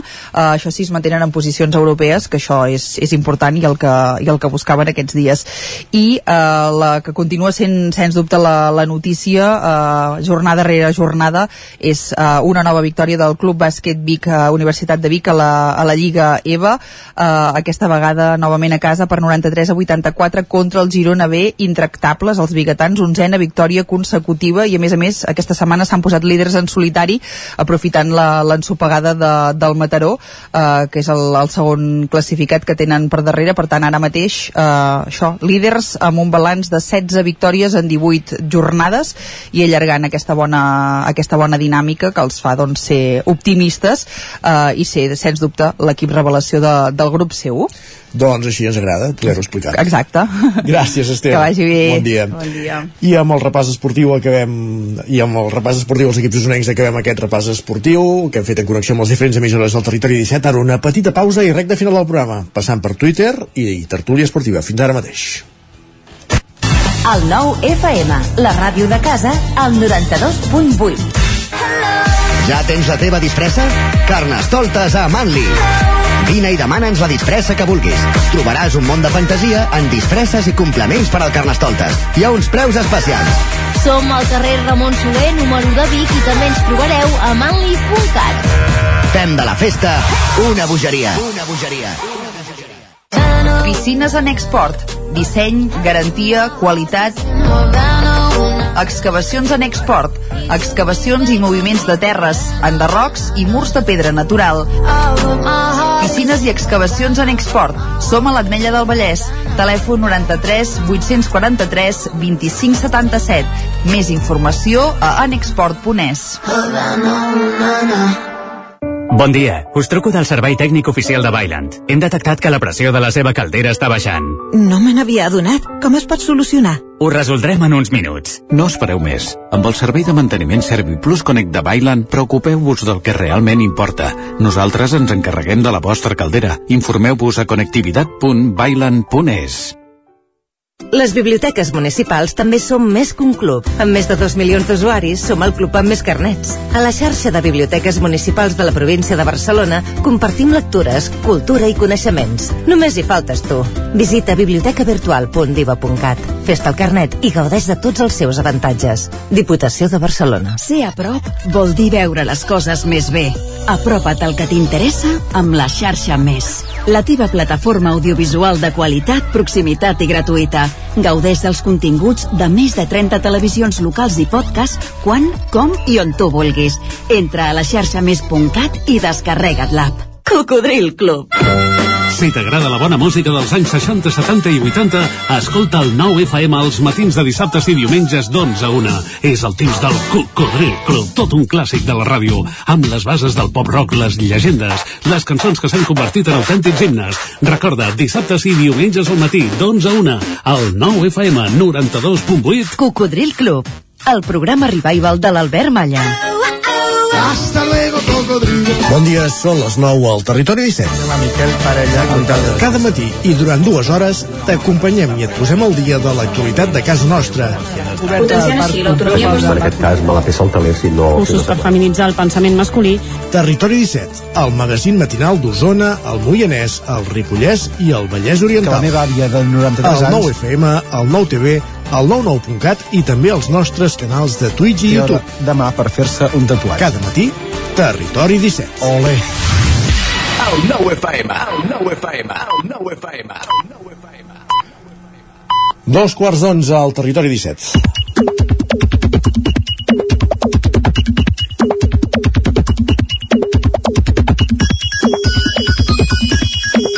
I després de treure's el pijama de la disfressa de Carnaval, Guillem Sánchez eh, arriba capbussat entre piolades. Bon dia. Què tal? Què tal, com estem? Bé, va anar bé el Carnaval. Va anar bé el Carnaval. He de dir que no se m'enfadi ningú, eh? Que no se m'enfadi ningú. Que no s'enfadi ningú. Una miqueta llarg, però que no se m'enfadi ningú, eh? No he dit res, eh? que? No he dit res, eh? No he dit res, no he dit res. El què, el què? Però bé, va anar bé. Va Quatre anar bé. hores, quatre hores de rua, què més vols? Quatre horetes ben intenses, però per veure coses ben espectaculars, per tant ja queda, ja queda ben justificat. I Twitter què hi diu? Twitter, doncs mira, un comentari primer d'aquells per començar bé el dia. Ens Ja. Com que molts avui teniu festa perquè és Carnaval? Què passa, que estem a Cádiz, Tenerife o Venècia i no me n'he assabentat o què? No, Torelló. Vinga, va, home, tots a treballar i al col·le, que això és Catalunya i som gent seriosa. Sí, és veritat, hi ha gent que té festa avui, eh? Jo encara no ho entenc. A les escoles, principalment. Algunes escoles, sí, i... però no de tots els pobles, oi? O sigui, hi ha algun poble que no, que no fan festa o que no ho han... No sé. Deu, deu funcionar en funció dels ritmes i, i, i, la- rutines de cada... I la idiosincràsia de cada poble. Exacte. Doncs va, doncs penseu això, que al cap de setmana molts municipis de tot, tot Catalunya estaven immersos durant el Carnaval, evidentment també a Torelló. Gran missatge al d'en Xevi. Va. La vida està plena de sorpreses, algunes agradables. La matinada de dissabte a diumenge ens en vàrem emportar una ida molt gran, hem creat una gran família i estem eufòrics. Visca el Carnaval de Torelló i visca la mare que ens va parir a totes i a tots dels triquinyolis i d'Escolla. Xavi Febrer, gran històric de la colla d'Escolla, que després de fusionar-se amb els triquinyolis, doncs mira, aconseguien aquesta gesta dissabte guanyant la Rua de Torelló. Tu. I tant, doncs vinga, moltes felicitats també de, de part nostra. Va, en Jordi també ens comenta Trobo molt a faltar ser a Torelló aquests dies. Els que pugueu, us recomano anar al Carnaval, és espectacular i us passareu de mm, mare. Doncs segurament sí, qui hagués pogut anar al, el dissabte segurament compartir opinió amb en, amb en Jordi. Va, i una aportació més d'un altre usuari que ens escriu he pogut viure el Carnaval de Torelló amb torellonencs i només em queda dir que és el millor Carnaval del món mundial. Ha fet el descobriment, eh? Ha descobert la sopadalla. Doncs vinga. Va, i al cap de setmana també s'ha obert un meló molt important a Twitter després d'un missatge dirigit a tota la gent de Catalunya que deia el següent. A veure, Isaac. Diu, no creieu que quan serviu un entrepà s'hauria de preguntar si es vol pa amb tomàquet i no donar-ho per sabut? No, és, és evident que un entrepà amb, amb tomàquet, doncs és vist que no. Doncs hi ha una persona que va demanar això i bé, la, la repercussió que ha tingut això per xarxes és espectacular. En llegirem algunes de les Va, va, respostes, dispara, com per exemple dispara. la d'en Joel, que diu un entrepà sense tomàquet és un sacrilegi, una ofensa a totes les tomaqueres de tomàquet de penjar que hi ha. Un, toma, un entrepà sense tomàquet no és un entrepà. Jo, ja, ja t'hi afegeixo jo. Segona, la Pilar ens diu no es pot no voler tomàquet si l'has tastat. És materialment impossible. En Roger respon enfadat i diu si vols un entrepà dolent, demana'l expressament. També I, és cert. I la Sandra diu irònicament, i tant que sí. I també es pot demanar si es vol amb pa o, o sense, que només que potser només voldràs quatre tallets de fuet repartits pel, pel plat. Però llavors ja no és un entrepà. Pa, correcte. Clar. L'Èlia també hi diu la seva i ens apunta una cosa que em sembla increïble també és que amb 30 anys no t'agradi el tomàquet i crec que la resposta més intel·ligent de totes les que s'han donat és la d'en Jordi, que ens expressa el següent i ens diu a mi no m'agrada gens el tomàquet. Quan demano entrepans, especifico que el vull sense tomàquet i no hi ha cap tipus de problema. Molt bé. Home, un, Ells s'ho perden, eh? Un entrepà sense tomàquet, sí, eh, po- podríem ara buscar símils i, i comparacions i altres coses, però és que no és un entrepà. O almenys des del punt de vista de la gent de Catalunya, diria jo, eh, que no se m'enfadi ningú No, tampoc, no, eh? que no s'enfadi ningú, però van, el que pensi el contrari va equivocat, ja està. Sí, se'n pot anar a un altre lloc on els facin el, sense... El, el, el meu nebot inclòs, però vaja, és igual. Pot anar a un altre Allà lloc on els facin sense tomàquet i, on et costi uh, quatre ampolles d'aigua en passar-te el que t'estàs menjant. Correcte. Va, en general per això hem de ser optimistes, com la Margarida, que em sembla també que aquest tuit et uh, representa molt, almenys Aviam. li has, li has donat un m'agrada. Aquest tuit em representa. Queden 17 diumenges perquè sigui estiu. Ah. S'ha de ser positiu Jo- en jo aquesta fet- vida. jo li he fet m'agrada en aquest Em, tuit. em sembla que venia... Sí, diria, eh? Ai, ai. O potser m'he equivocat, eh? no sé. O algun altre Isaac que també No segueixo. No sona de res, vaja. Va, i també contents amb el que diu la Maria, que ens escriu avui és dilluns i el cos ho sap, intentem-lo enganyar. Com s'enganya un cos un dilluns? Complicat, eh? Complicat. Complicat. Jo no, jo no et sé, no. Va, i per acabar una altra gran aportació de la Margarida, si sou d'aquests, esteu al meu equip. Ens escrivi eh, avui al matí aixecar-te del llit pensant amb la migdiada que faràs. Aquesta és l'actitud amb la que s'afronta una nova setmana i sobretot una nova setmana després d'un cap de setmana de, de Carnaval. Rep, però amb escudellades demà, a Sant Feliu i Castellterçol i, i enterraments de la Sardina. Hem Per- fet una entrevista abans, Sánchez, t'ho has perdut, eh? Ens, Doncs- ens han dit eh, Castellterçol, veure. no tens res a fer demà al migdia, ja, a, la una, ja has d'anar una mica abans a fer cua. Escudella, on només hi posen carn, llar, ai, carn, llard i oli. Z- Així de fàcil, ze- Zero no? verdura. Zero verdura. Home, posar verdura també en un caldo és una més a més. Per tant, hem d'anar uh, a lo que és més essencial i, i punt. Molt bé. Ens hi sumem. Va, gràcies, Guillem. Que vagi molt bé. Territori 17 El 9 FM, la veu de Sant Joan, Ona Codinenca, Ràdio Cardedeu, Territori 17 I del Twitter del Carnaval a la tertúlia esportiva.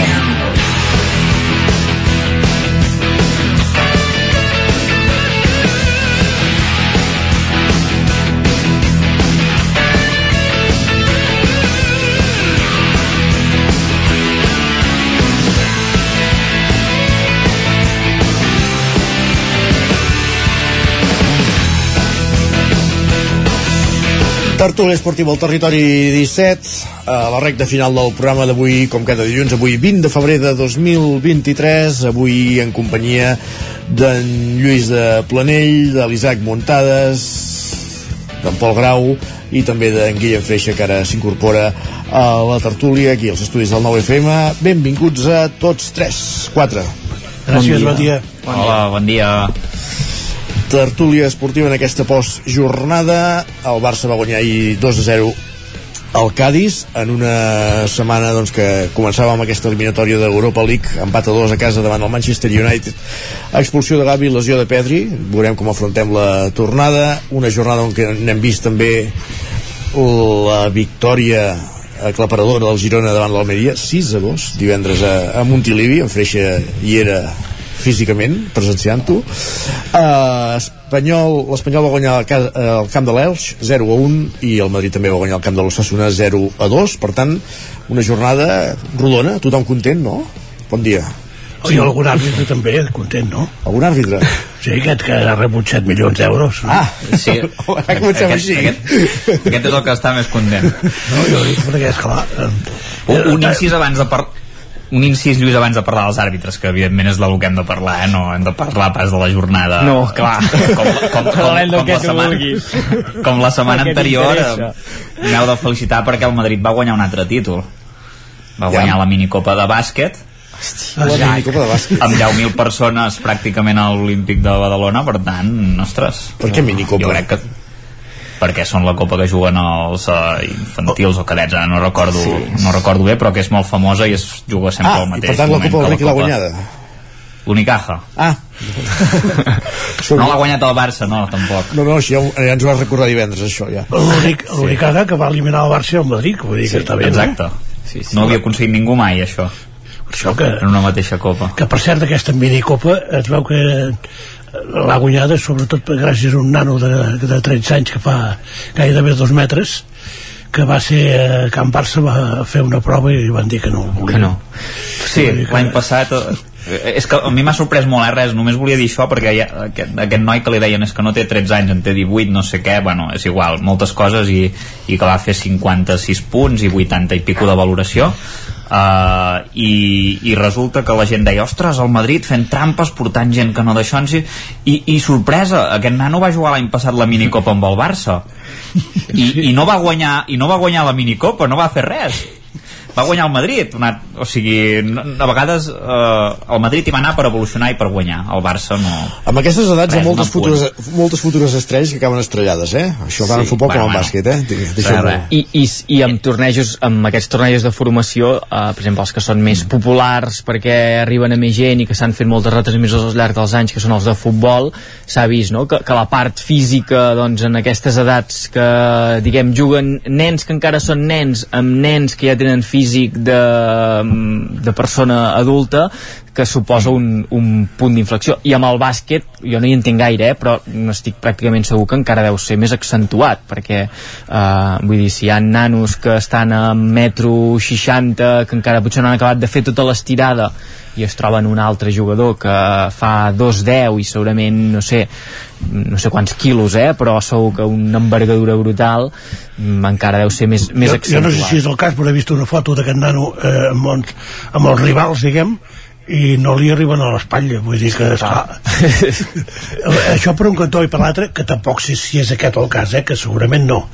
Però eh, de, depèn d'alguns països sabem que inscriuen els nanos quan ja tenen dos o tres o quatre anys i llavors el nano eh, vull dir, quan ve eh, aquí, diguem en un país que, que la inscripció es fa només de néixer doncs esclar en, en el, les categories de base dos o tres anys tenen molta importància. Sí, i llavors vull dir que es distorsiona una mica en, en aquest sentit.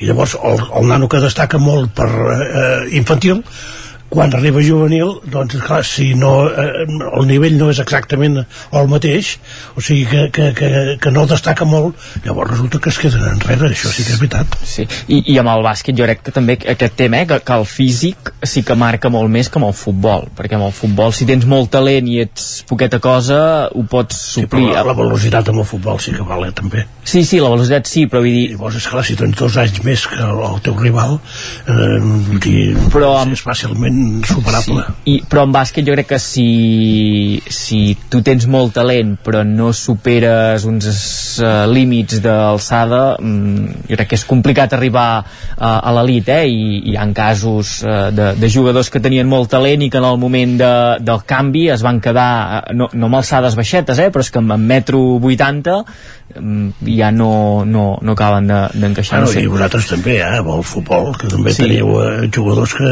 tot plegat apunten molt i després Sí. de, deixen d'apuntar. Eh, i això, que- els mitjans de comunicació juguen un paper decisiu, no? Clar, Quan, això quantes va. joguines trencades... La culpa és de la premsa, eh, que sí. No, però és veritat que es creen... Sí, no, eh, eh, hem Sempre és vist... de la premsa la culpa.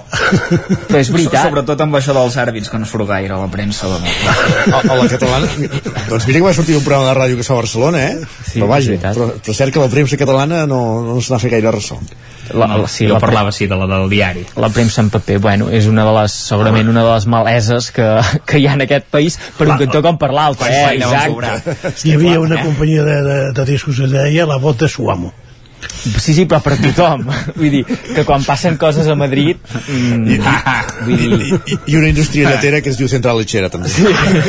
Mare de Déu. Mare No. de Déu. No, però ara, ens- ara de veritat, això de comprar els àrbits... Bueno, comprar... comprar És que no ha comprat... Això ho dius tu, comprar els àrbits. que no voldria dir, presumptament, presumptament. Home, li heu donat 7 milions a l'Enrique Negreira, 1,4 en, en 3 anys i des del 2001 aneu fent pagaments, vull dir, aviam, per, perquè us assessori i us faci informes amb DVD de, de cada partit de, de l'àrbitre i us digui com és l'àrbitre i, No. i aquestes coses, que no, no sé si això realment s'ha fet o no, si, si ho ha fet, en, to, en tot cas malament, perquè hi ha algunes uh, lligues durant aquests anys que no les veu guanyar, vull dir, No, no, que molt malament, ni, està com- clar, sí, sí. ni comprant els àrbitres, vull dir que és una cosa espectacular. No, però és en Valverde va dir que no havia rebut cap informe d'aquests, eh? No, i que. Sí. i que jo crec que aquí també s'aprofita una situació per dir-ne una altra, perquè una cosa és que el, el Barça i aquest senyor tinguessin una relació que realment doncs, no és massa neta i que fa una mica de Perdó, pudor. però aquest senyor és el, el, el vicepresident del comitè tècnic Era. d'àrbitres. Sí, però no comprava. No, però quan, No quan, no, quan cobrava quan el era Van això. Sassà es va acabar Sí. Sí, Exacte, quan el van cessar es va acabar la, la contractació Clar, el vull dir que, 2018. com a mínim és estrany, ah. això, no? Ell demanava uns diners sí. per uns informes sobre àrbitres, però no es compraven àrbitres, o no Una està mica demostrat que es conflicte d'interessos, Guillem, i veuràs, no? Sí, això, però això, fins i tot en- vicepresident. Però aquí el gros és que fins i tot amb una persona que no és sospitosa de ser del Barça, com és Javier Tebas, se li ha demanat per aquest tema i Javier Tebas ha dit, bueno, eh, aquí s'ha de mirar exactament què ha passat, perquè eh, potser hi ha un tema de xantatge també. O sigui, potser és al revés, eh? Potser és aquest senyor que es va posar en contacte amb el Barça i els hi va dir, tu, eh, això farem que jo us faig un assessorament, però m'heu d'anar pagant tal i qual. Però, Mm. perdona, però... I des del 2001 Bueno, és un xantatge. Oh, sisplau, però de, eh, comencem amb en Núñez, això, eh? Bueno, però qui, Gaspar, qui comença què? Quines excuses, I, però... que, acabem amb Bartomeu, que deu ser l'única cosa en sa vida que ha fet bé sí. Acabar això. Sí, Home, bueno, perquè poder, no, te- po- poder perquè no va tenir més remei, vés a saber, és que no I que sabem. l'estructura del Barça també jo crec que és molt gran i que aquí durant anys i panys allà dintre hi devia haver gent que feia coses eh, per la seva banda mm, i que la institució mm, n'estava al corrent però potser no hi estaven d'acord i no s'actuava per, per passotisme Però si I en aquest- ningú denuncia una, una sortida de diners de 7 milions d'euros, 7 milions d'euros, eh, no ho entenc. O sigui, No, no, i, és- i jo entenc que els culers tampoc hauríeu d'entendre No, això no, és que i no hauríeu s'entén. d'estar indignats i emprenyats. Però- I sí, voldríeu eh, parlar del tema i dir, aviam, què ha passat al club que, Sí, sí. que es manifesti, Però, perquè a la porta l'única cosa que va dir, ara que, que anem bé, no? ara, ara ens treuen eh, sí. els traps bruts. Exacte. Home, no, no fotis. No, òbviament això és una cosa que, que no, no quadra i que, que, que fa pudor, però d'aquí a dir que el Barça utilitzava això per comprar els àrbitres, jo crec que hi ha un tros per aquesta situació, eh? perquè gent que no són sospitosos de ser pro Barça i que sempre quan han in- tingut l'oportunitat de posar el dit a la nafra, fins i tot que ells diguin que mm, ostres, això mirem-ho bé perquè el Barça potser no és potser no és executor sinó que és víctima mm, Sí, sí. doncs... Víctima de 78 jornades sense xiulars i penals en contra en els 3 anys precisament d'aquests pagaments i amb un balanç de targetes vermelles que em sembla No que no era és- de, no és tan de, important de, que- 20, de 20 i 4 No és tan important que no te'n xiulen en contra, sinó que te'n xiulin sempre a favor, que això també... Sí, no, no, favor enredar, que guanyava el Barça. Però, però, però ostres, jo, jo crec que és una vergonya i que, i que si real, eh, però escrit esportivament, mira, no ho sé, en Tebas va dir que sí, perquè són 3 anys i tot el que tu vulguis. Per la FIFA i la UEFA ja ho veurem. I penalment ja ho veurem. No, no, està prescrit. Està prescrit. Bueno, està prescrit esportivament, està prescrit. I l'altra cosa és que vagi Sí, per la sí, justícia però per la. FIFA i la UEFA no, eh, es deia. Una cosa és per la Lliga Espanyola, però Bueno, per FIFA i UEFA no. És una I- i vergonya. s'ha de veure. És una vergonya. En canvi, la gestió és una vergonya que Florentino no, és, és que no, hagueu, que no hagueu baixat que no hagueu baixat Ah, això, sí, sí. però no ho heu demostrat A primera no, ref, eh? Florentino. Això, I, i, 20, i 20 punts de sanció us haurien de caure com li va caure a la Juventus aquest any i Home, com aviam, la van comparar, baixar l'any comparar la, el tema de la Juventus amb això del Barça és, és, és no, no, totalment és fora de lloc. És, és que és molt pitjor això jo crec No. Exacte. Sí, no. Vull dir que et vulguis agafar amb això tota la teva bilis. Us recordo que la Juventus va baixar de categoria, eh? Fa Sí, sí. Sí, tres o sí, quatre sí. temporades. Però esclar, hi havia temes d'apostes, no? Ja, no, ja, ja, ja, però vull dir que... perquè si no arriba a estar per escrit Guillem, què passa? Bueno, Si no llavors s'hagués estar investigat d'una altra manera i s'haguessin aplicat uns altres o sigui, en cas de, de trobar-hi un altre un fet delictiu s'haguessin aplicat unes altres sancions, però si, si ha prescrit a nivell esportiu, doncs, doncs ha, ha prescrit, és que no, no, no, no hi veig Bueno, no hi veig Eh, és I- per la Lliga. perquè aquest senyor es veu que aquest àrbitre tampoc ha augmentat tot el seu patrimoni amb 7 milions d'euros. O sigui que no sap on tant anava Devia gastar no? molt. tal com hi entraven s'ho gastava el tio Anava a sopar. Sí. Eren extras, aquests. Va, parlem de la jornada del cap de setmana. Eh, Eh, els col·les ja desvieu el tema. Va. home, n'hem parlat prou, eh? Portem 17 minuts de tertúlia. No, i, i a, la setmana passada quan va sortir escoltava per la ràdio que, uh, que Toni Ràdio, ara no recordo el nom del periodista, eh, que sempre connecten amb un periodista de Madrid i uh, en el programa del, del vespre i deia això, eh, diu ara ha sortit la notícia però això no és res perquè ara comencem setmanes de, de Excels uh, de los puntos que, que uh, tuvo el Barça i no, tenia, no hauria d'haver tenido els penaltis que les no sé què i, i està sent així vull dir, bueno, Per res. cert, que l'especial de Jugones a la Sexta va tenir una audiència més aviat discreta, eh? Per, per dir-ho suau diguéssim. la fórmula també potser. l'interès que té la cosa veig que No, jo, jo, jo ara, eh, com a perico, veig en algun penal que ens van xiular al Camp Nou Ah, quan estàvem 0-0 i, i llavors ho entens. Vull dir però, que... això, però això no ha passat tota la vida independentment de- d'això No, el Camp Nou sí que ha passat tota la vida. vosaltres Però, eh, Quatre títols li van tancar al Sevilla, eh? quatre títols. menys. finals de Copa del Rei i dues de Supercopa al Sevilla. Mare un dels equips més perjudicats. I el Madrid també, clar. sempre, Però el Madrid, el Madrid, eh, això ja és un altre tema, eh? Busqueu, busqueu, Isaac, Bueno, va quedar busqueu la a. Twitter, busqueu a Twitter el tuit de Quim Domènech d'aquesta d'aquesta setmana amb una jugada d'una competició europea del Madrid en Raül de fa uns quants dies, molt divertit. Ja em vaig a mirar aquest. Sí, uns, uns, són uns quarts de final de la Champions contra el Bayern de Múnich. És... I què va fer?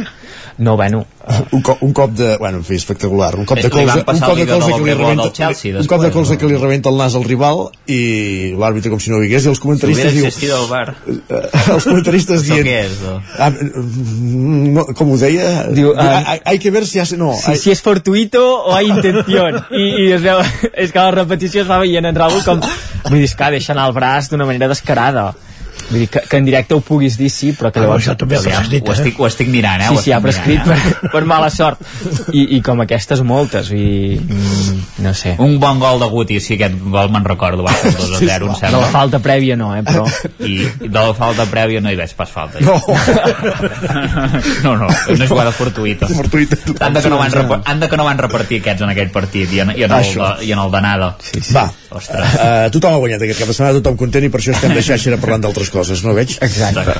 No, jo crec que en el cas de, dels resultats la, la Lliga al Barça té molt sota control um, ara mateix això, no? es guanya el Cádiz sí que amb una bona primera part amb una segona part més discretota recuperant jugadors o, o jugadors que fan un pas endavant Ferran Torres doncs va fer un, un, un molt bon partit i sí que hi ha aquest període ball, jo en diria de, que no hi haurà Gavi, que no hi ha Pedri Uh, però la Lliga s'ha d'anar tirant endavant em sembla que el primer partit és amb, amb l'Almeria uh, són partits que els has de poder guanyar bé uh, tenint en compte la situació que tens que tampoc tens aquella angoixa, aquella ansietat de, de si fallo uh, ja m'adalanta el rival i després hi ha la signatura pendent d'Europa que um, ja hem anat dient no? que és un les, títol lesions, les lesions és el que ens va perjudicar precisament a la Champions, eh? que, no, que no es repeteixi l'episodi dijous, dijous ara això. Sí, eh, eh, exacte, clar, afrontar una eliminatòria de Champions amb un resultat d'anada, ai, de Champions, d'Europa League, és, és la costum de parlar de Champions que... no, de- d'Europa League. Doncs ja fa dos anys que no jugueu Bueno, Champions, sí, eh, però bé. això eh, sempre el Barça serà un equip de, de Champions ah. uh, no, això uh, amb un resultat de, de l'anada que a més a més no és del tot bo no? perquè un 2 a 2 és un resultat uh, més aviat dolentot per anar a jugar una, una tornada fora de casa Els gols de camp contrari ja no valen, eh? Sí, sí, però uh, saps que has d'anar a guanyar uh, sí. el Trafford. Mm, bueno, uh, no tens una renda de gols per, per especular una mica d'entrada. Mm. No, però ja teniu l'excusa, eh? L'important és la Lliga, heu de dir vosaltres ara, eh? Ah, bueno, és que l'important és la Lliga. Ja, ja, ja.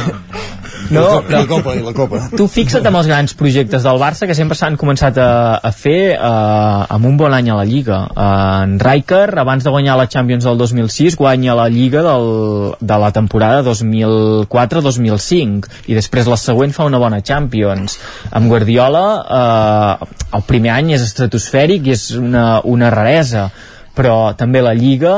Um, és un títol en què es, es, es van anar posant els fonaments per acabar bé la temporada. Mm, jo crec que la clau és aquesta fer una bona, una bona lliga guanyar confiança mm, que aquests jugadors que ara són joves Pedri, Gavi, Ansu Fati eh, Torres eh, tota aquesta tropa en Araujo darrere doncs eh, guanyin també galons i guanyin trajectòria i l'any que ve després tornar a fer un pas endavant a Europa eh, amb altres objectius més enllà de la Lliga però aquest any I, i tant que dieu vosaltres de rècords i tot això, l'equip que ha fet més gols en un partit, el Girona.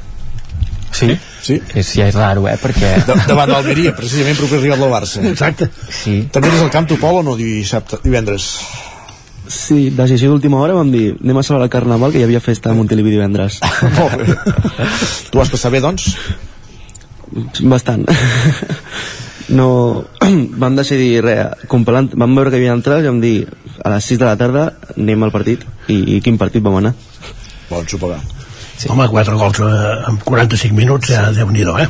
5 gols que ens van anul·lar un ah, bueno, però els que compten són els, els que pugen al Barcelona eh? però cantàvem cantar 5 sí, i, i això, no? un Girona que jo crec que uh, les últimes o aquesta temporada pràcticament està jugant bé de manera regular. Una altra cosa llavors és que el resultat t'acompanya o no t'acompanyi, però està fent bons partits. Li hem vist bons partits amb el Betis, amb el Villarreal, que llavors els resultats no van acompanyar.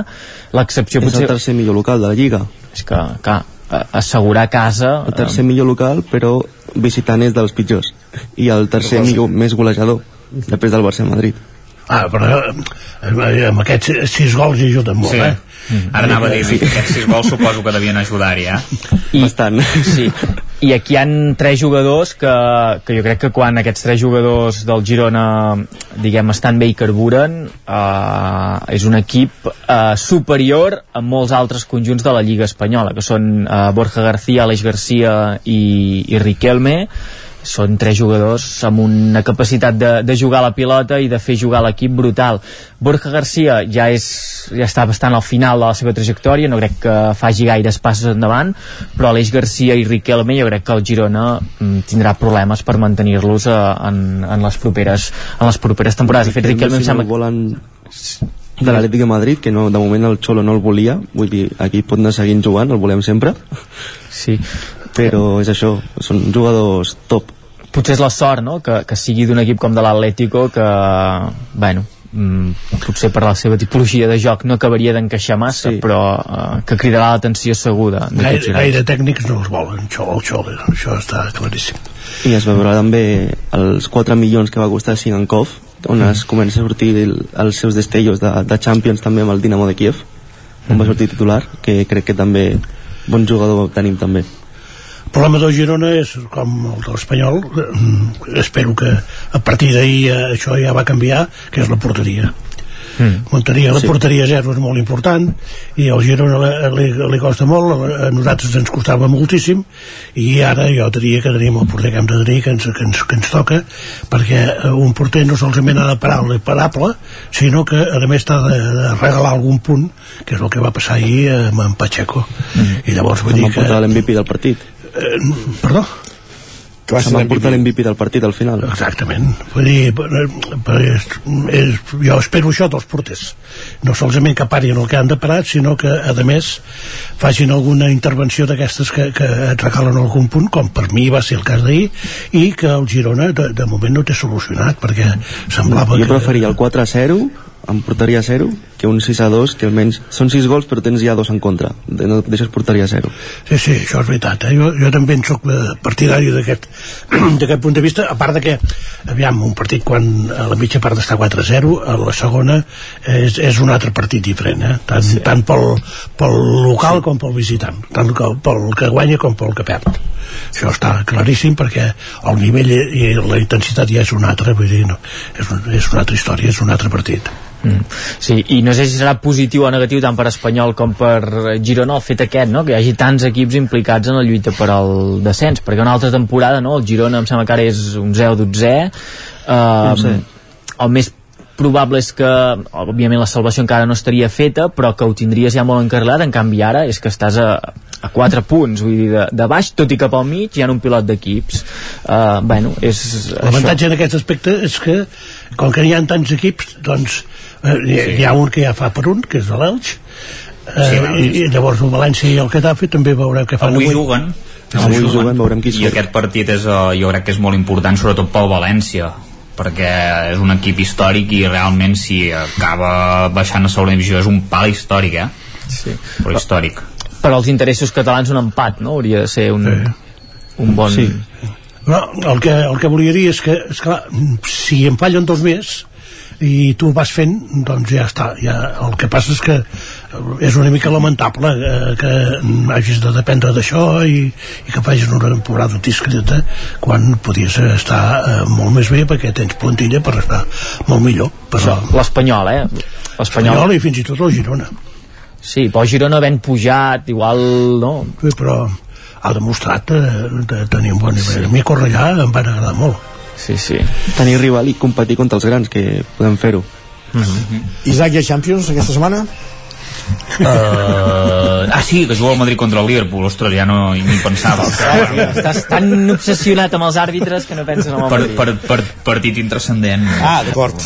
El, la, important, la important és el de tornada. Doncs ja en parlarem.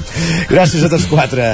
Bon dilluns. Bon dia. Adéu. Bon dilluns. Adéu. Acabem la tertúlia esportiva, acabem el territori 17. Us hem acompanyat des de les 9 del matí Roger Rams, Laura Serrat, Pepa Costa, Esther Rovira, Guillem Sánchez, Lluís de Planell, Isaac Muntades, Pol Grau, Guillem Freixa, Sergi Vives i Isaac Moreno. I tornarem demà, dimarts, a partir de la mateixa hora. A partir de les 9 serem aquí.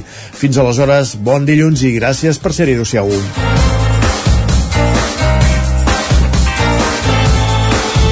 Territori 17, un magazín del nou FM. La veu de Sant Joan, Ona Codinenca i Ràdio Cardedeu amb el suport de la xarxa.